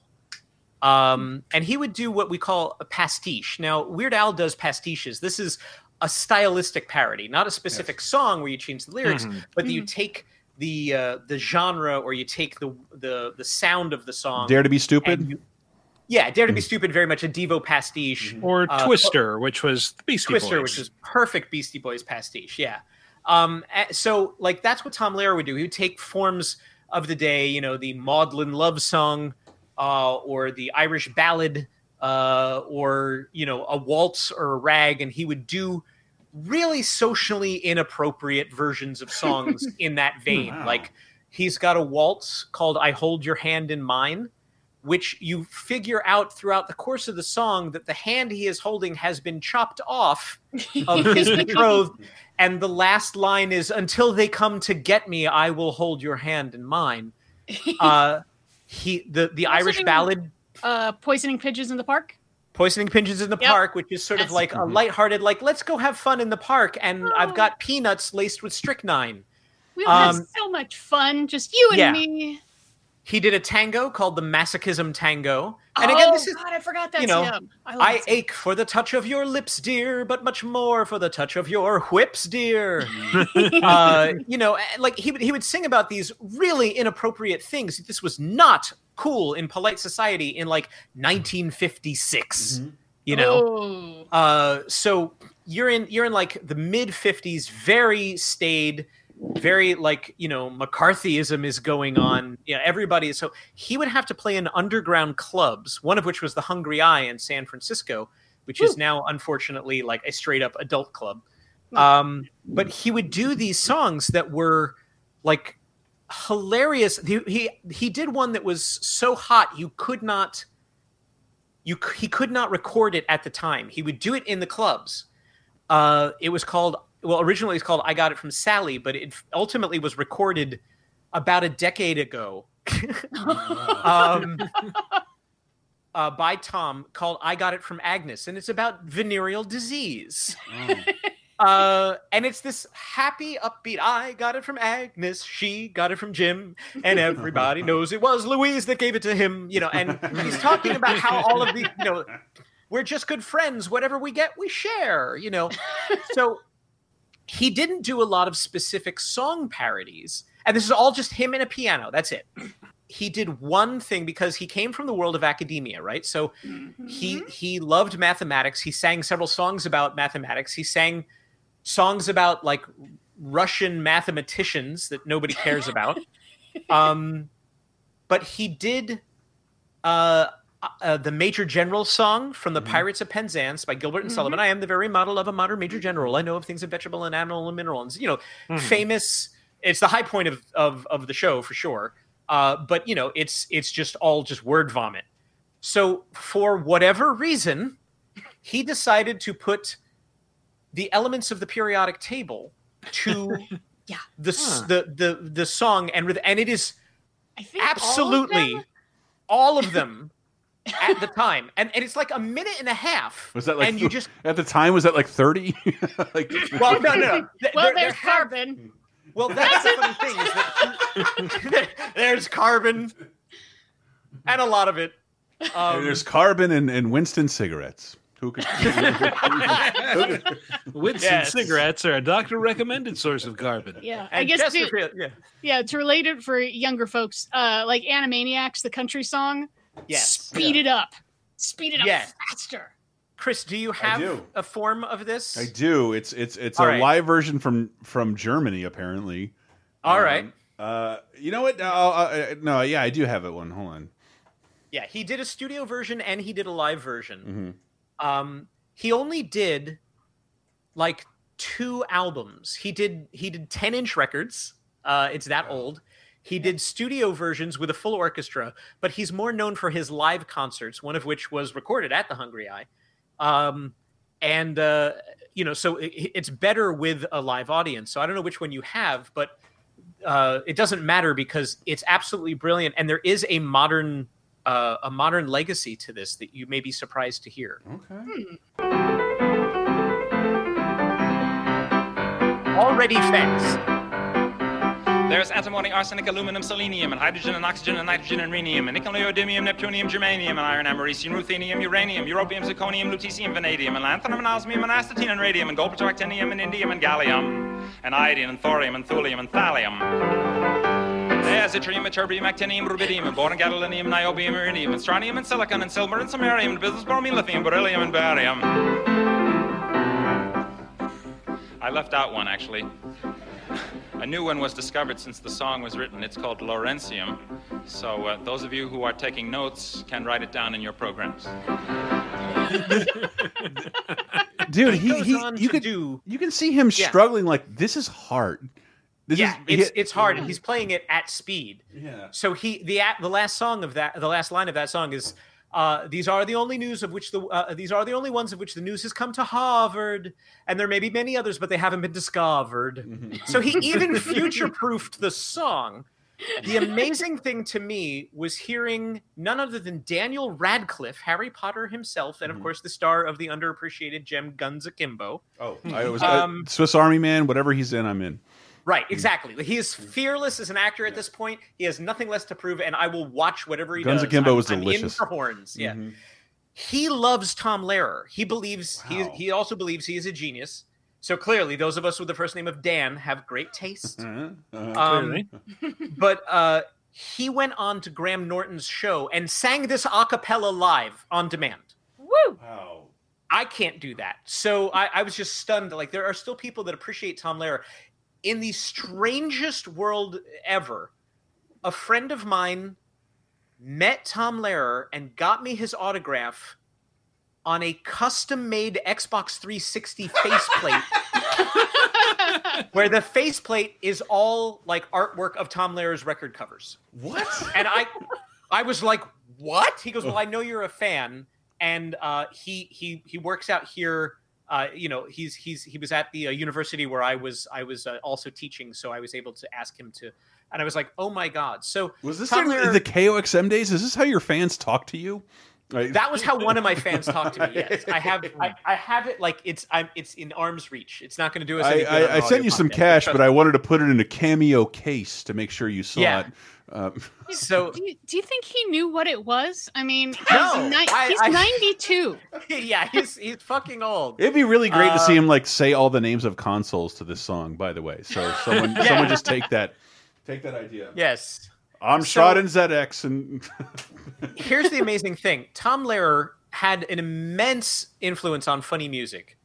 Uh, extremely erudite uh, said that he still he still like says the word whom as a political statement. Um, he did 37 songs in 20 years. Wow. he likes to joke that that's what he did. He did two albums in the 50s and stopped. And then he came back in 1968 and did one album of largely topical comedy. Uh, stuff about like Vatican II had happened that year. Um, he does a song about Hubert Humphrey. He does a song about National Brotherhood Week and racism in America, which is absolutely mind blowingly like, oh my God, you can't even sing about that as a joke. Uh, and and then he just went away again, and he went back and he taught at UC Santa Cruz. He taught mathematics and he taught musical theater. wow. Um, And people said, "Why don't you do that?" You like, you know, he's like, "Well, I had fun doing it." You know, they're like, "Well, why don't you still do it?" He goes, "Look, I had fun in high school, but I do not wish to repeat it." uh, he just he he would occasionally perform for uh, other people's uh, like retirement parties, or he would sometimes sing in class if he help, thought it would help his students. You know, just that was his thing. He, In he sounds like someone from money. yeah, like he, he didn't need it. Like he did it for fun, and he's like, "Yes, I did that thing, and so I did that thing." And occasionally, you know, he'd be gracious if people liked his old stuff, but it didn't drive him anymore. I, I don't want to take a year off wanted of this shit. I need the money. like yeah no he was like well no i'm you know i'm a, I'm a, I'm a tenured professor what the hell so he would he would go between um, boston and uh, southern california uh, and and that actually inspired one of his lost songs uh, called i'm spending hanukkah in santa monica um, which is really great. So he did a handful of songs like you know he just he wrote them for himself and then he just didn't do anything with them. So in 1980 uh, Cameron Mackintosh, a famous uh, a stage production uh, producer in the UK, put together a revue called Tomfoolery, and it was just people getting up and singing his songs. There was no narrative, there was no there was no play. It was just a musical revue where you get to listen to people perform the music of Tom Lehrer. So for that, that's how we got I Got It from Agnes. That was the first time that I Got It from Agnes was performed since the 50s uh, because it was never recorded. They were like, you can't record it. Um, here's the amazing bit at a Boston nightclub when he was in 1950s. Somebody went to see him in a club, and this was a person who said they didn't normally go to see people do funny music in clubs. It was Isaac Asimov. And the song that entertained him the most was "I Got It from Sally," which was I got. was just- yeah, he he said, "I do not normally go to nightclubs, but I have to say this was one of the best nights out I have ever had." So that's it, okay. So you're impressing Isaac Asimov. So then they do Damn. tomfoolery, and um, he wound up working with. He got a he got a phone call in like the uh, the late 70s, actually before tomfoolery. He gets a phone call from a, a, a composer known for doing funny stuff mm-hmm. named Joe Raposo. So that name should mean something to Chris. The Yeah, right Sesame away. Street it guy? definitely means something to Diana. Is it the Sesame mm-hmm. Street guy? It is the Sesame Street and Electric Company guy. Mm-hmm. So hmm. he asks him to write a couple of songs. And so they work together and they do silent E and LY. So some kids grew up listening to the guy that did the Vatican rag to teach them how silent E's work. Who can turn a can into a cane? Who can turn a man into a mane? It's not too hard to see. It's hmm. silent E. And it's got Joe Raposo and his orchestra in the background. So it sounds like a Sesame Street song. they were going to work on another project together, which was going to be a musical based on the Penny Dreadful novel called Sweeney Todd. Wow. Hmm. Hmm. And he decided they they didn't get it together. And as as Tom, as uh, Tom Lehrer later said, he goes, 20 years later, Sondheim beat me to the punch. but they were working on so imagine that like sweeney todd was what 83 84 in the early 60s they were thinking about doing a musical on sweeney todd which you know again it falls directly in line with tom Lehrer writing about murder and death and and sexual deviance. He had a song called the old dope peddler uh, which is because at the time it was like, oh, the little match girl and the old lamplighter and these these little guys that you, these people that were around your small town. And he did one about the old dope peddler spreading powdered ha- happiness. um, so, believe it or not, this gets sampled by Two Chainz, the rapper. what? And I'm going to send you, Chris, the link of- because I forgot to send you the link. Of most expensivest on Vice? Yes. Mm, Uh, this is now Two Chainz does a rap called Dope Peddler, mhm. and he wanted to sample Tom Lehrer for the opening. So he has to write Tom Lehrer and ask for permission to sample this. Every evening you will find him around our neighborhood. It's the old dope peddler. Try to get them kids out the street. By doing good. Choo Uh, started out with an Aussie. End up riding 4D. Pull up to that club. Oh my god. So I love it. So now here's the best part. I Tom it. Lehrer- Sounds like an ice cream truck. That's perfect. now he, Tom Lehrer's not quite that high. Uh, Two Chainz probably was, but um, uh, so here's the thing: Tom Lehrer wrote back and granted personal permission for the sample to be used, and this is exactly what he said: As sole copyright owner of the old dope peddler. I grant you motherfuckers permission to do this. Please give my regards to Mr. Chainz, or may I call him two? so Tom Lehrer was thrilled that somebody wanted to use that. He just he thought he thought that was the funniest fucking thing.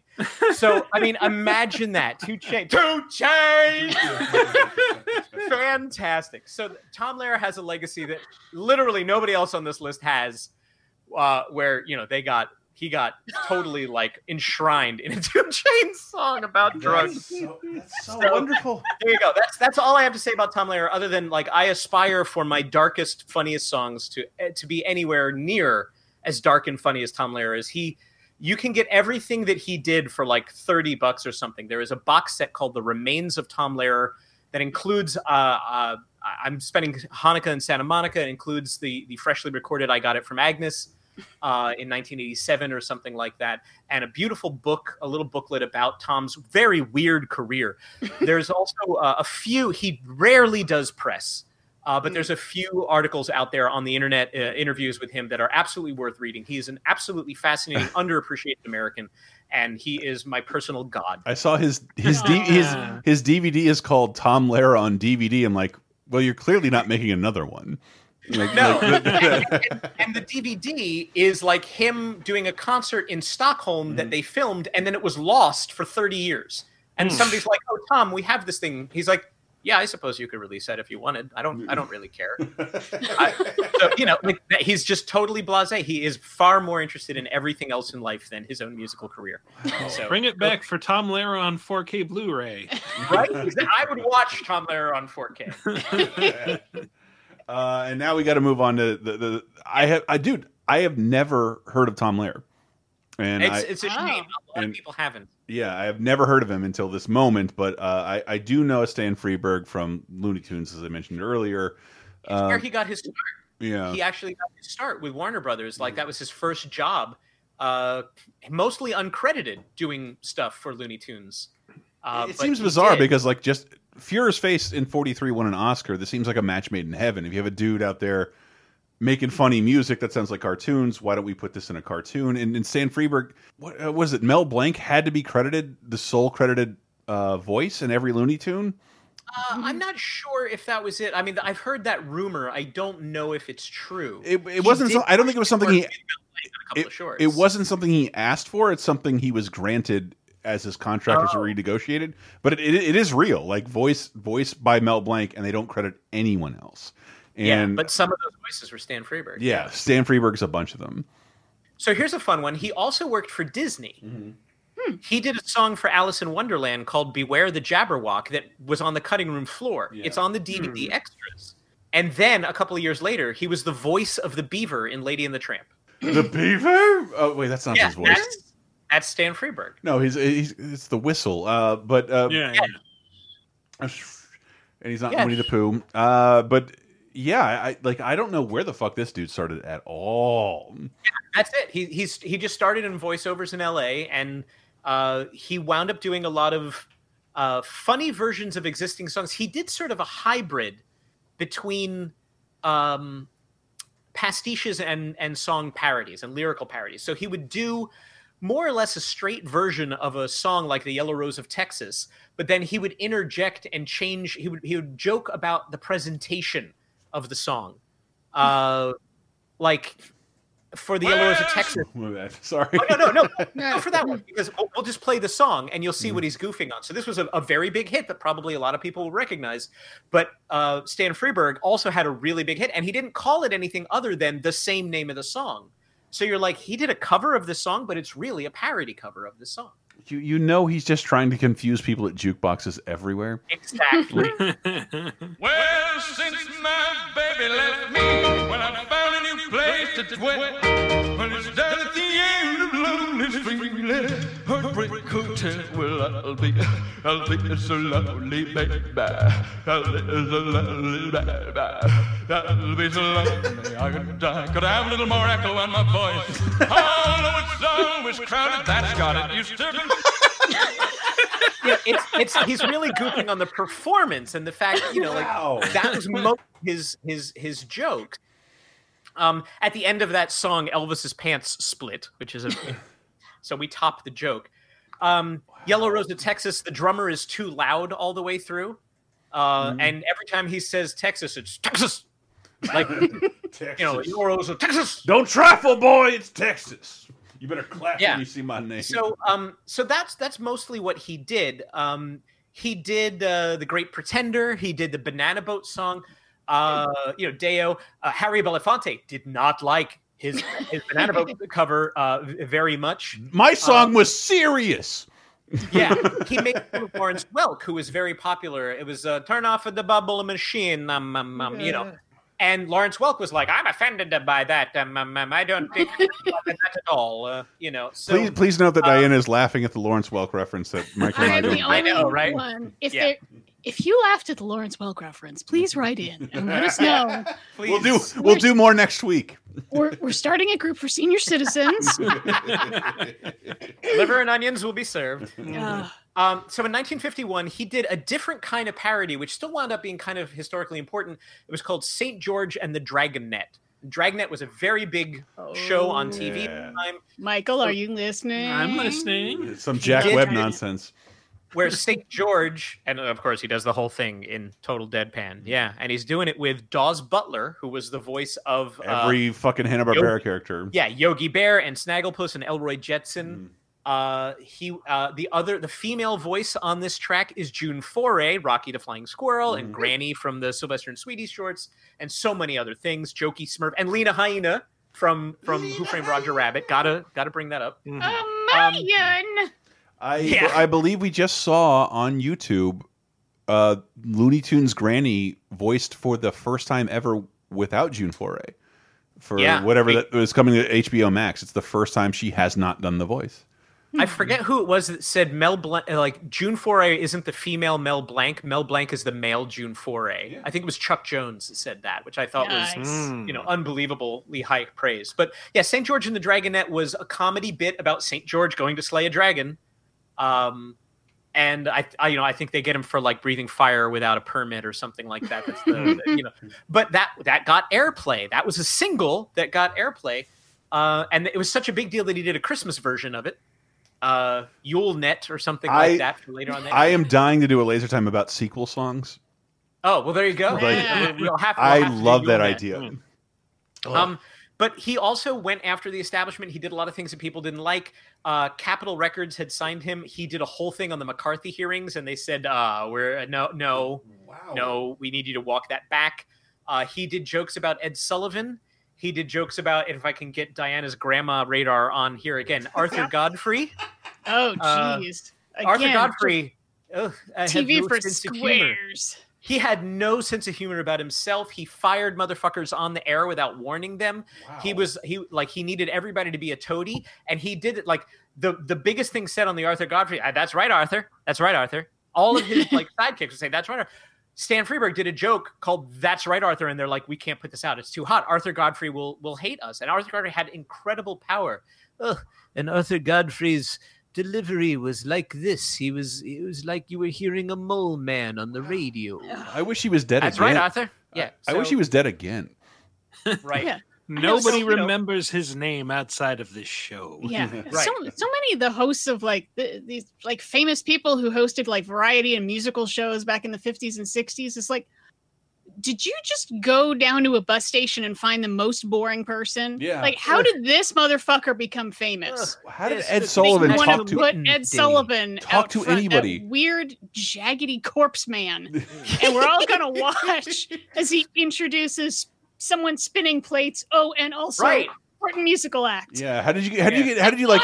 I would have a show with a bunch of fun people on it and the greatest music you've ever heard. And like, what if we get this sub Nixon clone? To, Right, here we go. It's the Doors. Thank you. Yeah, I'm bored. that's Is there great. is Well, there see, water? way, he doesn't outshine the the musical acts. Everyone's more focused on the entertainment that he's bringing in than on whatever he's bringing to the table. It's a really good point. Hmm. Really Yeah. good point. right now let's have like little richard sing one of the first rock and roll songs ever but first we're gonna have the dancing poodles Right. god Exactly. it's such a it's such a bizarre thing Well, that it i'm was the- kind of bummed that we don't have anymore because it's so awful Right. but in some ways well, like we have late night talk shows are like a tiny tiny version of we don't get we don't get live music on late night talk shows nearly as much as we should. Yeah. But yeah, like it it it was again, we talked about rock being the novelty music of the day, and that's that's like, oh, we've got to do something to appeal to the kids. Let's get one of those long hairs on here while we talk Yeah. to, hmm. you know, Charlie Cooper or somebody spinning plates, like you said. Can't get a long hair. Let's put Bob Hope in Love Beads. Yeah, yeah, I tell you, it's so much fun to be here at Woodstock. I can't, I can't see any wood. so anyway, Stan Freberg goes on to record something that winds up in the National Recording Registry, where he does basically a parody comedy album telling a parody of the history of the United States of America, and it's actually super good. It's it's really really good, and it's historically important. Uh, but then what he wound up doing throughout the late 60s and 70s was he that people realized that he was good at doing radio advertisements. So he did some of what is considered now the best radio advertisements of all time, where he would make fun of the people that he was doing the ad for. Um, and he had major, major clients. GM was one of his clients, uh, Jeno's Pizza Rolls. Um, so, like, he wound up having this, even though people didn't, you know, they rec- recognize his voice.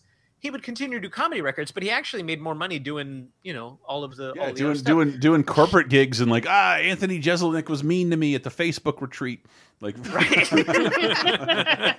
so get this he is asked to audition for star wars by george lucas for the voice of c3po and, and says what what what as c3po because remember c3po was not supposed to be a fussy english butler he was supposed to be sort of a brusque used car salesman. Yeah, all George Lucas had planned, according to my sick of Star Wars notes, patreon.com slash lasertime, like let's put let's get some armor and put a dying man inside of one. And let's Yeah. uh, hope he can never be pray he'll never be at least live to see nine movies.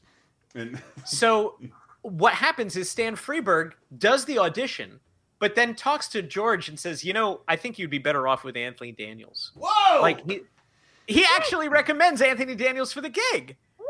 So George, like, yeah, okay, I guess you're right. I guess he really would be good for the gig. Yeah. So everyone's So, George uh, Lucas impression is awesome. Stan Freberg went on to do Mr. Whipple in Garfield and Friends, or sorry, Mm-hmm. Doctor Whipple. in, in Garfield and Friends. He was the doctor on that.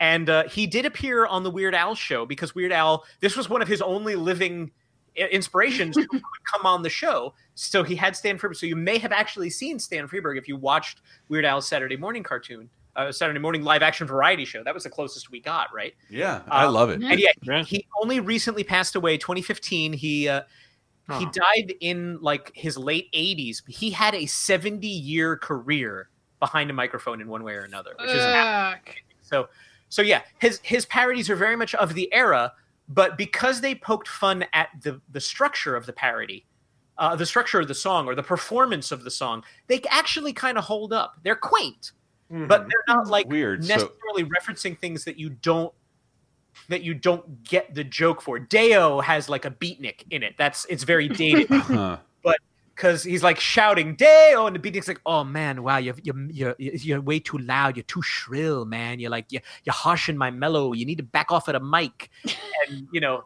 yeah, man, that's better. That's better. But you know, I, I can still hear you. You got to back off. You know, uh, so. You know, It's- there's, it's like- like, jokes do hold up. It's it's obviously better if you hear Stan It's, Freberg uh, Stan Freberg's jokes, but Uh, weird. What's the Weird Al Nirvana parody? I forget what it's called. Um, um, I don't know which one of the 120 songs are you referring. no, the, the- Hmm. I know which one you're talking Yeah. about. It's like the smells like teens, smells like Nirvana. it smells like Nirvana. That's what it's exactly what it's called. But like it's Oh, yeah, yeah, where it's it's funny because it's about the original song. it's about the Yeah. song and the band, and it's like it's what Yeah. it's technically one of the meanest things he ever did. But like we've all seen that behind the music. Like he like asked Kurt Cobain, like, yeah, I want to do a song about how it's hard to understand your lyrics. And- Yeah, he's like, oh yeah, that's that's hilarious. That's great. Yeah, do that. Do that. Do that forever. Uh, it's the So- only. It's the to this day the only good thing Victoria Jackson has ever done uh, is introduce Aw. Weird Al to, Yeah. to Nirvana. So I I think there's one other person worth talking about. I mean, I'm skipping Al because I know you've done a whole show on Al. we do. We have a show all, about- all about Al and like uh, a lot of his out of music stuff. My favorite thing about Weird Al that's not involving his music is all of his uh, appearances in the Naked Gun movies. I love treating him like the the big in the Naked Gun universe. He's treated like the biggest celebrity that's ever existed. It's awesome. and rightfully so. It's awesome. rightfully so. So the the last sort of notable name, because Weird Al has really rewritten the playbook, right? Yeah. Like he took every everybody that we've just talked about, he made it his own. He stayed relevant longer than any of those people. I mean, Allan Mhm. Sherman had two albums, and then he was burned out because people were tired of his shtick. Al has constantly changed with the times, with the genres. He has reinvented himself. Uh, he does, you know, again, he keeps it fresh by doing stylistic parodies. He's not afraid to do rap and hip hop. He's not afraid to do, uh, you know, slow R and B jams. He will do anything Mhm. and uh, and again it, the the consistency for something that should have been a flash in the pan. You don't get a thirty year parody career. my, Yeah. my like my when I was looking over your notes, it was just like people. Uh, the, the public team seems to tolerate one of these kinds of people per decade. yeah. Mm. There's one of them per decade, and we, and Al changed that and didn't And, let yeah, and anybody Al else has in. been the guy that, that owned the 80s, the 90s, and the 2000s. Yeah, Um, well, I feel like so much of it is is how good natured it is. He's never done, you know, a That's a rap good parody that's like Pop hates the Beatles. It's- right. it's- He's very rarely mean spirited. He doesn't Yeah. work blue except for you know the the self service pump. uh, Mhm. even even his you know even when he does do stuff like Nirvana, it's teasing. Mhm. You know, Yeah. uh, achy breaky song, but you know he, he does achy breaky heart, and, and the idea is that it was overplayed and we all got sick of it. Yeah. Yeah. You know, um, Buy our so, yeah. albums. We're Nirvana. it's one of my you know, favorite it's lines. That whole weird. thing. If- Yeah, it's, it's More rock bands should should name check themselves in the middle. Like rappers do it all the time. What, what if Eddie Vedder just said like, "Out now at Sam Goody," like like just do it. Just I will say that you'll hear me say the phrase "Hero Falls" in a lot of Hero Falls songs. eh, 'Cause I, I'm trying to go for that internal branding. We, we call that uh, we call that in, in, in your line of work geggy tying yourself. Uh, only geggy ta is like the only All right. the only rock band that like like name check themselves in a song. Talk Talk did as well in their song Oh. Talk Talk from the album Talk Talk. Wang Chung? How- Wang Chung? Yeah, Wang Chung. How do I how do I search and what for about this? Two Chainz? Chainz. We just heard one. We just heard one. And I never thought uh, anything about that until DJ Khaled showed up in the Aladdin soundtrack, and I felt like the whitest person in the world. Like, show some dignity. If you All right. Oh, how dare you self promote? like, most people who get here are princes. We know who you are. You don't have to shout your name on the Aladdin credits. No, Like- no, we out here. uh, so I think the last person worth noting, uh, at least in the modern era, again, you know, uh, the internet has democratized everything. Like I said, the Funny Music Project online, you will find a lot of independent musicians making comedy parody music, uh, originals and parodies uh, all over the place. Uh, of course, uh, Seagulls Stop It Now. Uh, it's uh, Oh, yeah. lip readings uh, parody that uh, a lot of people ask us in Palette Swap. Have you seen? Seagulls? Yes, we've seen. it. It's very funny. Yes, it is. Yes, But Richard Cheese and Lounging. Wait, wait, you're you're you're you're gonna skip the Star Wars Cantina song? No, no, no. That's because that's Richard Cheese. Oh, it is. It is, and that's why I sent it to you. Before Richard Cheese was Richard Cheese, he was just a humble musician named Mark Jonathan Davis before he came up with a character. And he did an amazing parody that, of course, was by Weird Al eventually. Uh, of course, as all parodies are. called Star Wars Cantina to, to Barry Manilow's Copacabana. And it is a Star brilliant Wars. I've never heard this. I'm just guessing. The Star Wars Star Wars Cantina. Is that how it goes? That's exactly the cadence. Yes, And he does a very good Barry Manilow vocal impression as part of this. So he gave this away for free because of the, the rights issues. And this Mhm. is something that we looked to when we started to do our project. I could not He- believe how much work you did. I, I I could talk to you about about that for an hour. No, please don't. Everybody is already asleep. I- this is their bedtime podcast. And, Uh, Al uh, tries to get permission from all the original artists to do the parody, Right. and and you you sort of try to do something similar for Palette Swap Ninja. I'm like, hey Dan, just don't, just don't. We we did, yeah. We we paid money for all of our early parodies. We actually paid a cover license because we felt that was appropriate, uh, and so we at least licensed the songwriting. We didn't necessarily get the artist's permission, but we got their clearinghouse. the only great lawsuit. Do you remember when we played Mr. Jaws? Yeah, I do. That was like three days ago. where right? where that that guy what that guy Dickie Goodman won that lawsuit saying that like that was legit parody and he's Yeah. literally playing clips from the songs Yeah, uncovered Which is strange to me because, as I understand parody law, which of course I had to research, Mm-hmm. uh, it you can get away with it if it's a transformative work. Now, it should be known that parody law, as we look at it in in songwriting, has never been tested in court. It is a gray area that we all believe it would probably hold up. But the idea is that you can get away with it if it's a transformative work. This comes from uh, part of the ruling on Two Live Crew Yeah. doing a dirty parody version of "Oh Pretty Woman." Mhm. by Mm. Roy Orbison. They went to that, you know, they they got sued for that.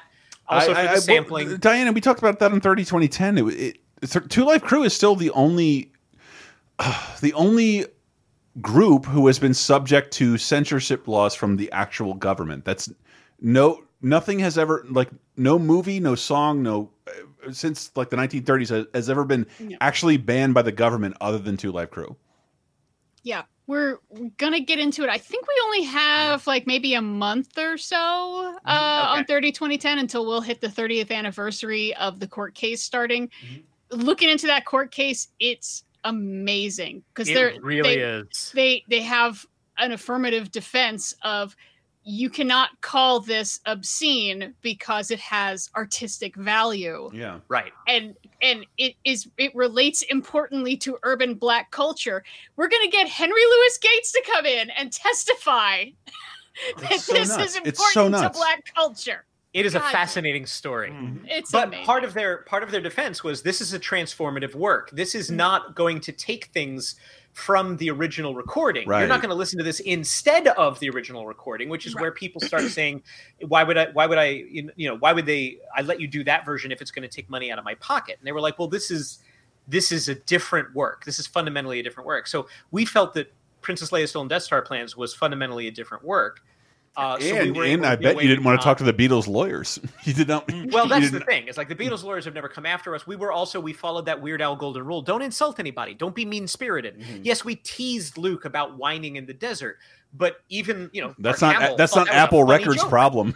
yeah right? So mark hamill motherfucking retweeted you twice Mark Hamill loves you. I can't get over three that. times, three, i times. I missed yeah, a three third ti- all of them unprompted, and I just like I freaked. out. I turned I turned white the first time it happened. I was Kat was shopping in a store, and she was getting rung up, and I was just checking my phone, just going through Twitter, you know, being the like the husband in the fashion store, you know, and I see that, and I just went over to Kat, and she's she's still getting checked out, and and she looked at me, she's like, "What happened? What's the matter?" And I'm like, Mark Mark Hamill just retweeted our project. She said, "What?" I'm like, Mark ha- Mark Hamill just retweeted our project. I did not know what to do. It's, She's it's, like, it's it's not the That's- retweet that's that great. he he has done it more than once, unprompted. times. Like, let's remind everyone this is actually awesome. Wrote back to me on one of them because I thanked him, and he said, "No, thank you. This is amazing. I love sharing this with my fans. This was done with." And I was like, "Oh, forget it." Like, I just I I've cried so many times over that. My that's my, my only moment my only moment it had happened just a, a couple days ago i shared i made a bad joke about uh don's nut butter okay, on, thanks. on uh yeah a, a- a bad joke about cum and disney and I and I my girlfriend I I passed it by my girlfriend like is this too harsh? He's like uh, do that change that blah blah blah and like watch this I I do these jokes on Twitter all the time. Women never like cum jokes. I know this for a fact. And and like the next day she's like prove it and like the only like boom my sister but also the creator of Roger Rabbit. The creator of Roger Rabbit loved my cum Disney joke. What the really? fuck? Yeah. Gary K. Wolf. Yes. All right. Not to call him out. He's been a guest on the show and he's a sweet man. Yeah. Wow. See, now that ruined my segue. I had this great segue back into Star Wars to talk about Mark Jonathan Davis doing this brilliant Star Wars parody that he couldn't legally release, but he then hmm. gave away for free and just said, I give up. In the 80s? I think it was 83, 84. He, uh, if you go to his website, not Richard Cheese's website, but Mark, uh, Mark Jonathan Davis's website, um, he tells the story behind it. And that's also where you can download it. He's just like, you know what? Like it got airplay, so a lot of people just have versions from the radio. So this MP3 was one that Mark Jonathan Davis gave away, and he said, "I can't monetize it. I'll get sued to high heaven." I tried to license it, and I couldn't. But it's so well done. You're my only hope. Her name was Leia. Totally oh, heard this. princess with the Danish on each ear and Darth Vader drawing near. So R2D2 found Ben Kenobi. Obi-Wan. He'd have to put the Death Star plans into the rebellion's hands. So Luke and Obi-Wan had to get to Alderaan. So they stopped into Mos Eisley to have a drink with Han it works. It builds its narrative. It's really good. So Are, and, are- I mean, is everyone's mind ready to be blown? I want everyone's mind ready to be blown. All right, I was I'm ready.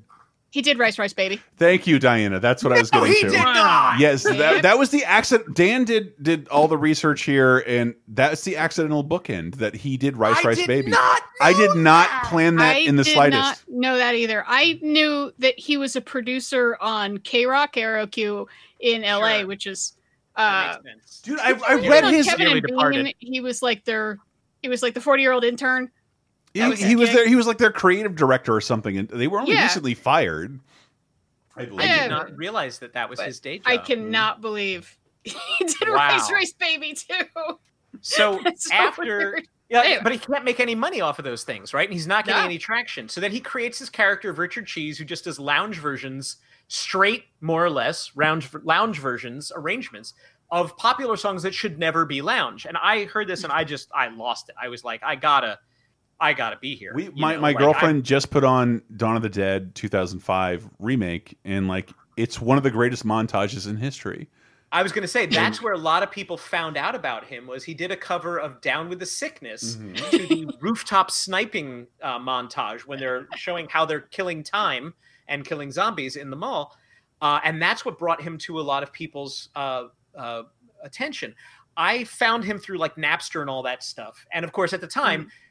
He's got to license all these. These are straight covers. They're funny, but legally they're straight covers. So he is paying a lot of money to do every album that he does if you steal his MP3s, he can't keep doing this. So I was strong about like backing every Kickstarter that he would do, buying all the albums directly from him on CD and all that stuff. I, I don't Uh, have the exact figures, but I believe at the very lowest end, it would cost him thirty thousand dollars to release this for sale. Yeah, it's Uh, not it's not a cheap amount. Like to so when we were doing Palette Swap, when we were doing a thousand downloads, which we knew was you know like who are we? We're small potatoes, but it's a hundred bucks to do a thousand downloads online only. It is more expensive to release CDs. So if he's pressing thirty thousand CDs, you have to pay per song, and and you know it's it's crazy. So Richard Cheese takes off, and good for him that it does. He's got something like twelve albums. I have most of them. Um, his just his album titles alone are fantastic. uh, I'd like a virgin. Uh, o- okay, bartender instead of okay, computer. Uh, and yeah, he just does all the songs. that Aperitif for shouldn't be. Destruction is really good. yeah, Yeah, aperitif Aperitif for for destruction. Yeah. Yeah. Um, so I have just a personal story to to share. I had just started my job at Activision, and I was doing an interview with the community manager from Treyarch, which was across the parking lot from Activision headquarters. So I worked in the HQ and I went over to the studio and I had brought over all my podcasting gear and I'm interviewing him and I had just started. It was like maybe four weeks into my job. And so I'm still nervous. I'm testing my equipment. You, ha you haven't you had your life threatened by Call of Duty fans yet? No, not yet. Because I'm still starting to cover Call of Duty. They didn't know who I was to know who to target yet. So um, I I get a phone call in the middle of this, and I'm like, you know, it could. I didn't recognize the number. I was afraid maybe Cat had gotten locked out or there was something like that. So I'm like, I'm sorry, I need to take this. And the call is from Richard Cheese. What? And he's like, "Hey, uh, is this Dan?" I'm like, "Yeah, hi. I don't recognize the number." He goes, "Oh, this is Mark David. John, uh, Mark Davis. Uh, I'm uh, you, pro- I'm calling about your Richard Cheese order." And I'm like, "What? Why?" He's like, "Oh, because I sent you my new CD uh, that you ordered and it bounced." And I'm like, "Oh my god, I forgot I pre-ordered your CD. Yes, I don't live in the Bay Area anymore. I live in LA or whatever. You know." He called you. and I said, I can't believe you're you're calling me. I, I said, excuse me, this is a huge honor to get a phone call from Richard Cheese. He goes, Yeah, well, thanks, thanks. I appreciate the support. Like he was totally down to earth, but you know, he's like, Yeah, I'm not a big enough star that I'm not doing my own fucking mailings, you know? Like so, so I was just like, I hung up and I was like, I'm sorry, I need a moment. That was Richard Cheese. Richard Cheese called me. You know? So it meant nothing to Mark Davis. You know, it was just another day like, yeah, I got my mail back. I got to ship it to this guy. This fuckhead just cost me another $4 in postage, you know. and I'm like, I'm so sorry. because no, no, no. I just like, he's like, you, you ordered three albums. I want to make sure you got them all. And I was like, oh, no, I really appreciate it. I'm like, yeah, I'm, I'm here in LA now, so it'll be shorter. He's like, yeah, that's great. You know, but yeah, I, I really think that he's he's great at what he does. I'm still part of his like uh you know I get his newsletters and he's constantly like I've got a new gig. I need your support up front because it's so expensive to do what he does. But what he does is so funny. His best cover I think is "Do Me" by Belle Biv DeVoe. Do me, baby. It was. It's even better. It's like this tinkly. Ding, ding, You can dome in the morning. You can dome in the night. You can dome when you want to dome. And they break in and are like, uh, "No, uh, uh, Richard, it's not dome. It's do me. There's a space. it's not dome."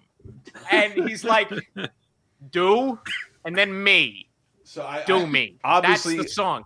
I, I'm It's partial. I am partial to Down with the Sickness, but my favorite thing they ever did, like, because every other song I've I've heard of, and I know they're doing a lounge version of it. I had never he heard Slipknot's "Immortal People Equal Shit." Oh Uh, yes, like- no. The lounge it- version of People equals shit is fantastic. It's fantastic. It's people equal shit, and you just hear a group of guys with trombones. Not afraid of you, and like it's it's, Yeah. it's so fucking Yeah. great. I'm not afraid of you. Yeah, People it- it is- equal shit. Like there is a there is a best These of- motherfuckers have to die. It, it's so silly. It's there is a best of if you get nothing else. I believe it's called Down with the Dickness. Oh no, the the compilation of all of his dirtiest parodies is Down with the Dickness. Wow. Uh, but yeah, he has uh, and yeah, People Equal Shit is fantastic. Uh, it's up there with with Down with the Sickness. And yeah, I also recommend Dome, which is a very short track. Uh, See, I'm I'm so happy to hear this because I bought a copy of like Lounge Lounge Against the Machine, which was one of his first albums. Yeah, the first And- one. And I I had, I had read about it somewhere, probably in print media. And I didn't realize he was still doing all this years later. So yeah, he that's is. Really He's cool. found a way. He But- he actually did a bunch of stuff on Jimmy Kimmel for a little while. He Oh, was, wow. he he did like a Jimmy Kimmel did a, a bit from Las Vegas where he did a week from Las Vegas, and uh, Richard Cheese and Lounge Against the Machine. He, he named the, the backing band Lounge Against the Machine now. Oh, okay. Uh, but but they, yeah, the, uh, I, his they were the house uh, band for that show. his very Christmassy cover of the Dead Kennedys "Holiday in Cambodia" still holds a special place in my heart. yeah, because it shouldn't exist. It really should not exist, and it's wonderful. Oh, yeah, he did. Oh, Puck. Oh yeah, there's like the little sleigh bells in the Yeah. background. Merry Yeah. Christmas, everybody. He did. He did an entire Christmas album, of course. Uh, yeah, but it- I, I swear, if you were in Vegas and you walked into a room and Richard Cheese was playing his songs, you would think you're in a movie. Why would? Why shouldn't he have an installation in Vegas? That's ridiculous. Yeah. Uh, oh yeah, he does. He does an up tempo version of "Creep" that is Mhm. worth hearing. Uh, Yep. Oh, and yeah, and "Me So Horny." Speaking of Two Live Crew, Hey. he does a, a very fun version of "Me So Horny." So Yeah. there, there are a handful of songs where I know the Richard Cheese version better. Sure. And that's the version I think of. Uh, Papa Roach's Last Resort is one of them. yes. No, wait. This is my last resort. This is my last. I'm fine. Ladies and gentlemen in the audience, Ralph Fiennes. A parody I found I like, found way back in the day. Identifies him as Academy Award winning actor Ralph Fiennes. He's not never won. I'm sorry. a, par- a song parody I found back in the day. It was called Rodeo Head, Yeah. and I, I found out Oh, later that, that that's it's Chris Hardwick. Yeah, it's, It's- um really Yeah, it's hard, and firm. hard and firm. Right. And I, I think it's Mike it's it's fucking hysterical. It's a medley of Radiohead songs done very very country with whistling teeth and fucking whiskey bottles. It's hilarious. Train Yep. whistles. There's some uh, CB radio bits in there too. Yeah. Ten So anyway, believe it or not, that's all I had. Um, I don't know what anybody else has. If we if we left out, there are certainly other people that have made really good funny music, but usually they're they're one and done. They're hit and fade. Nobody has the staying power of Al. Richard we Cheese. we is never talked about how doing stuff Dickie Goodman for shot himself in the head and like just ended his life. like oh yeah, Dickie Goodman committed suicide. So that is the happy ending to Mr. all of this. It's the guy that brought you, you Mr. gotta John. listen to the end, people. R2D2, my- what do you think of this? It's it's a much harder life. oh look, it's Darth Vader. He's coming off of the ship. I What are you remem- I remember- right now, Darth. Oh. I remember people get, uh, get- getting giving people a lecture in, in freshman year of high school. Like I just like comedy more than I like music, and I wish there were more comedy musicians. Like, well, you always have Weird Al. I'm like, he has six albums. What the fuck am I supposed to do? And Yeah. and, and like and, and it wasn't cool and, and no one liked no one wanted to share my love with that with me but that's all i wanted i wanted comedy music all the way and and i, I tend to discover music through comedies uh I gotta give a plug to not just Dan uh, in Hero Falls, but Hot Dad. Like I love that dude, and he, he's not a parody musician, but like his his cover of of of Summer Girls by LFO, one of the worst songs ever. His combo his, of Mambo Number Five is is Yeah. Oh, wow. wonderful. Oh, I thought of one. hi- Michael, one of your favorites, Neil Neil uh, Cicierega. I can never say Neil it. Cicierega. Yeah. That guy's Yeah. fantastic. That guy is kind of insane, but hilarious. but and I want to know. I need to go double check if there's a Patreon for bad lip reading to make them do more music. Yeah. Because besides Seagulls, they have some like legitimately great They do. songs. Yes. Yes. They really do. Black Umbrella. Oh my god. The Marley, the, the Miley Cyrus version or song is. This is a really good pop song, and I will listen to this whole album. Yeah, even if it's not nonsense words. Neil Sierra is a good a good thing to bring up. Uh, One of my favorite songs in the last five years is is his version of Bustin', where it's just Ah, yes. uh, So yeah, like half of his his output is original songs, and the other half is just weird remixes. Yeah. uh, like Bustin', which is just uh, Ray Parker uh, singing about uh, sleeping in beds. Yes, and, I and- and- prefer that version. And, and Dan, maybe elaborate. Like if you go to the YouTube video and, and it's like, how did you get this? And it's like, I ain't a afraid of no ghosts. I ain't afraid. I ain't afraid of no bed. And like, how did you get the masters to to Ray Parker Jr.'s Ghostbusters? And he just said Rock Band Three. I, Yeah. I like Rock, rock. Band 3 opened the floodgates by being able to isolate those tracks. with Yeah. A little hacking.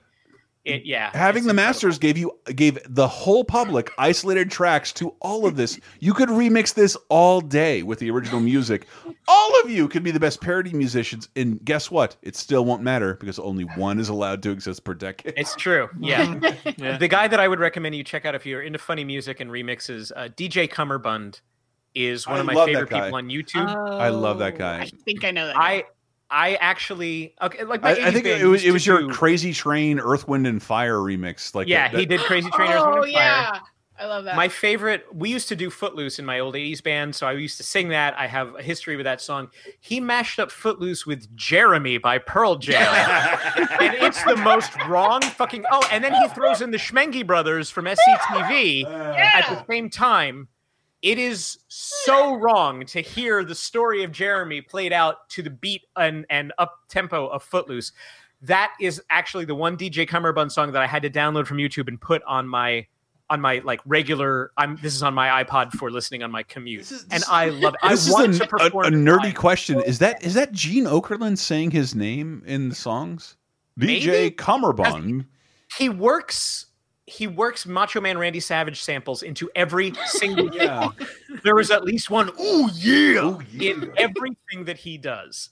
Uh, and and and there too. In fact, he censors. You know, instead of "seemed a harmless little fuck," he does "seems a harmless little chump," and it, it's so perfect. Uh, Oh, YouTube restrictions, but but like yeah, it's it's.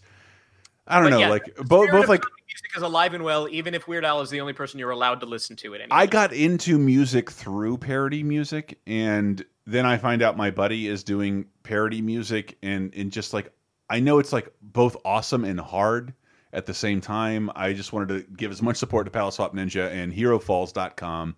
Uh, Thank you. Yeah, Hero Falls is really not parody; it's it's actually Right. my street stuff. But some of them are dark comedy. Funny. Yeah, some of them are, are are really morbid. Again, you know, like, hey, I built you this grenade. I'm sorry that it blew up in your face. You know, here's the here, here's the weird thing. If I was really high, this would blow my mind. Twenty years ago, Hero Falls would be novelty. Now it's comedy. oh, you're right. I mean, I suppose some people would still consider it novelty, but uh, you know, There I, I- there- I would just be happy to have people consider it at this point. I, I dude, I I really fucking love it, and like uh the escalation, all that shit. It's it's an anticipation I don't you don't get from regular music. When I'm like, what's the next thing this guy's gonna say? I'm not waiting for your chorus to be amazing. I'm waiting for like, how does this escalate comedically? And uh, and I, I would love more of that. And uh, please, like, I will try. in the Facebook comments, lasertimepodcast.com comments, like if we're missing stuff, let us know. I, I mentioned Dave, Little Dicky.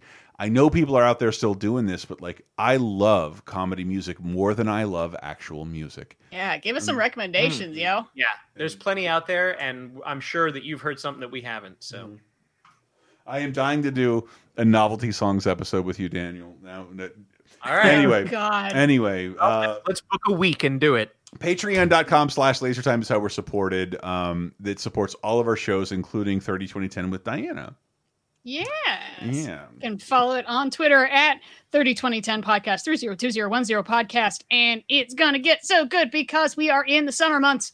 Uh, we're looking 30 years ago, 20 years ago, 10 years ago from this week. Uh, I'm not sure when this show goes up, but we'll probably have talked about Arnold Schwarzenegger's best movie ever. Oh, I can't believe you brought that up because I wanted to talk about. Um, it's hard to watch movies. There's certain things we don't get to do anymore because of COVID, and I Mhm. found the most COVID-proof entertainment, and it might be the same thing Diana just said because it's so far removed from our world. it's so it's ridic- very removed. It's on Mars, even. yeah, it's so ridiculous. Get your ass there. Yes. yes. I'm so pumped. Two weeks. Two weeks. I love that movie. It's my. It is the best. I love. Damn it, Diana, are you married? Damn it. Uh, uh, uh, Are you looking for somebody athletic but sleazy but demure? I oh, I think that that describes Diana, right? but she's married to a, a, a man who I like a- Yes. a, a, lot less. No, no. I, I know. I like him a lot less too, but he hosts Video Game Apocalypse uh, every Friday on the Laser Time Network. Go to videogameapocalypse.com to see all of our episodes or follow us on Twitter at VG Apocalypse. We are a weekly show about video games and making jokes about video games. And oh my God, please kill me. Someone else take this baton. Well, we, we, we recently did a, a Patreon episode of all Yes. all about Final Fantasy remake. So Final Fantasy VII Remake, we got the inimitable Carolyn Pettit to Yeah. be our special guest who had written the review for Polygon. she's fucking great. And we just dove into all the things that we've been wanting to talk about publicly, but can't because that's a spoiler. Uh, That's available on patreon.com slash lasertime at the $5 level. You can get that and our uh, spoiler cast from 2018 about God of War. The the the the new one, not not the original. and the 30 2010 games edition. I am actually drunk, but I Hmm. Daniel.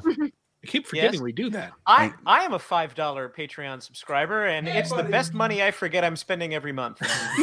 so I highly recommend that you go listen to all the bonus shows that I have not been listening to. But I, I they are, I you have my honest Look. word. They are generating regular content for that money. You will you will not you will not. if you're regret not giving five dollars a month to the homeless, just think of that as me.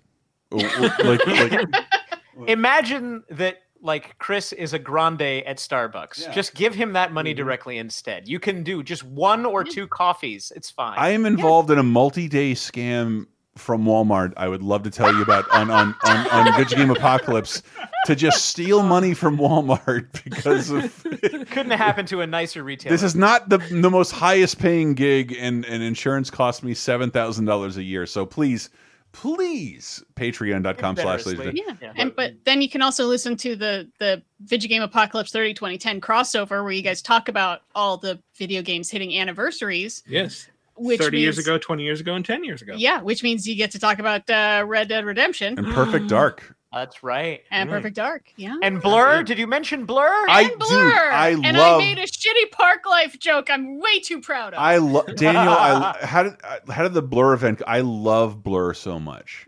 I do too. Everybody loved the Blur demo. Nobody bought the game. I Blur was I one played of the this- first games.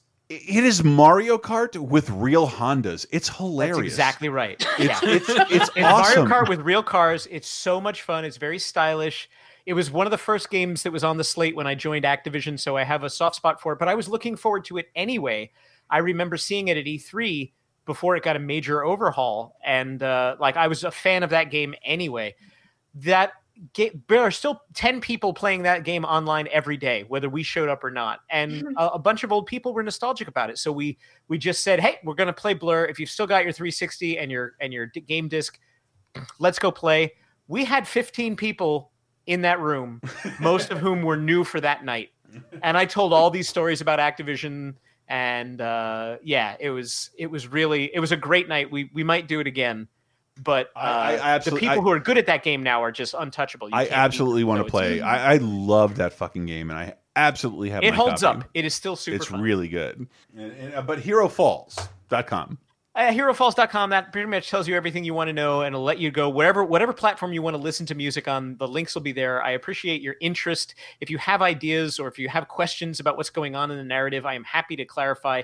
I have stacks of notes and an entire thing on my Dropbox that tells so much of the story that may never get out. So if you want to know it, I'll tell you.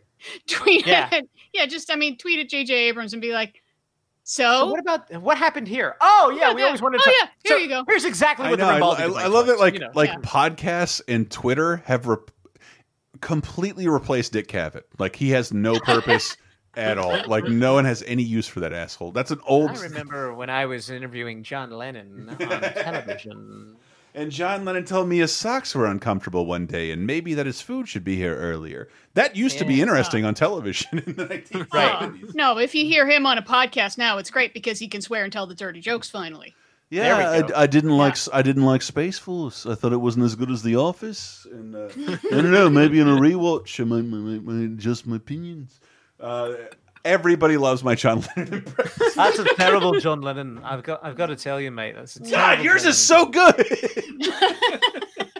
uh, I, there was a time in high school when I, I used to do all four voices of the Beatles because I, I I I haven't practiced in years. But you know, Paul is all the way up here. You know, you know, Paul's going to be way up here. Paul Paul always looks like he just saw a bird. Not a not a girl, but like oh, I saw oh, a bird. if I that don't know what kind of bird it was, but it was flying. that doesn't beat all. Is a bird's thought, red in America? That's pretty oh, gear. Oh Yeah. yeah, pretty then, you know, pretty gear gear. George George was all the way down here. You know, George was de- definitely had a lower register. How's Ringo? Yeah, I think it's grotty. You How's know, Ringo? what's grotty? It's grotesque. no one would want to play that. That's terrible music. More You know. okay. So how does Ringo sound compared to him? Oh, you know, well, Ringo was like this. You know, little Ringo was just he, he was he was a little bit lower and a little bit louder, but you know, like I'm not gonna. I believe when somebody asked him about Paul is dead, he said, "Well, I'm not gonna say anything because nobody believes me when I do." Yeah, you know, it's sort of like a sad sack. You may you may not know this, but I'm the dumb one. I wrote I a don't song know about an anything. octopus. Yeah. I read all the songs that sound like children's music. I like to be under the sea. And uh, I wonder if I could get away with with recording a, a Ringo. I was a little disappointed that we let Jude do the Ringo voice because I was going to come in and do Darth Vader as Ringo because I had a passable. You, know, you walk out of a dream, peaches and cream, You know- like strawberry wine. You know, like I could do a passable That's Ringo really vocal. good. I just never got. The, it was my project, and I didn't get the. You know that that song is only as good as it is because they had to coach him like I'd like to pee spaghetti and like it, it was all kid shit all the way. yeah. Over two and a half hours, you guys. All right, sorry, sorry, sorry, sorry. Good night, everybody. Dan, what do we close out with? Something from Hero Falls or Palette Swap Ninja? What do we close Well, out I with? think for I mean, as much as I want to be self-indulgent for Hero Falls, I think you have to end with Palette Swap Ninja. Let's uh let's do uh Leo Organa, which was the follow-up. Or no, no, no. Let's do Rage Quitter, which was the Beatles song we did before. It was our little wink that nobody knew was a wink about angry Call of Duty players. Uh, so we we did uh, Day Tripper as Rage Quitter, uh, and Jude is the voice that you're going to hear uh, uh, throughout, uh, and it's going to be the basically the voice of every person you've ever heard on Xbox Live. uh, big shout out to Jude. I only met him once, but like I really love Palette Swap Ninja and everything you guys do. HeroFalls.com, uh, PalswapNinja.com as well. Yep. Okay. Thank Uh, you for the support. Yeah, dude, I love that stuff. And uh, Video Game Apocalypse 30 2010, patreon.com slash lasertime. We love you. Uh, Rage Quitter, Palette Swap Ninja, we're out. Kicking that whiny jerk out. Got a good reason. I don't need to hear that guy shout now. He was a rage quitter, lousy teammate, yeah. It took me so long to find out, and I found out.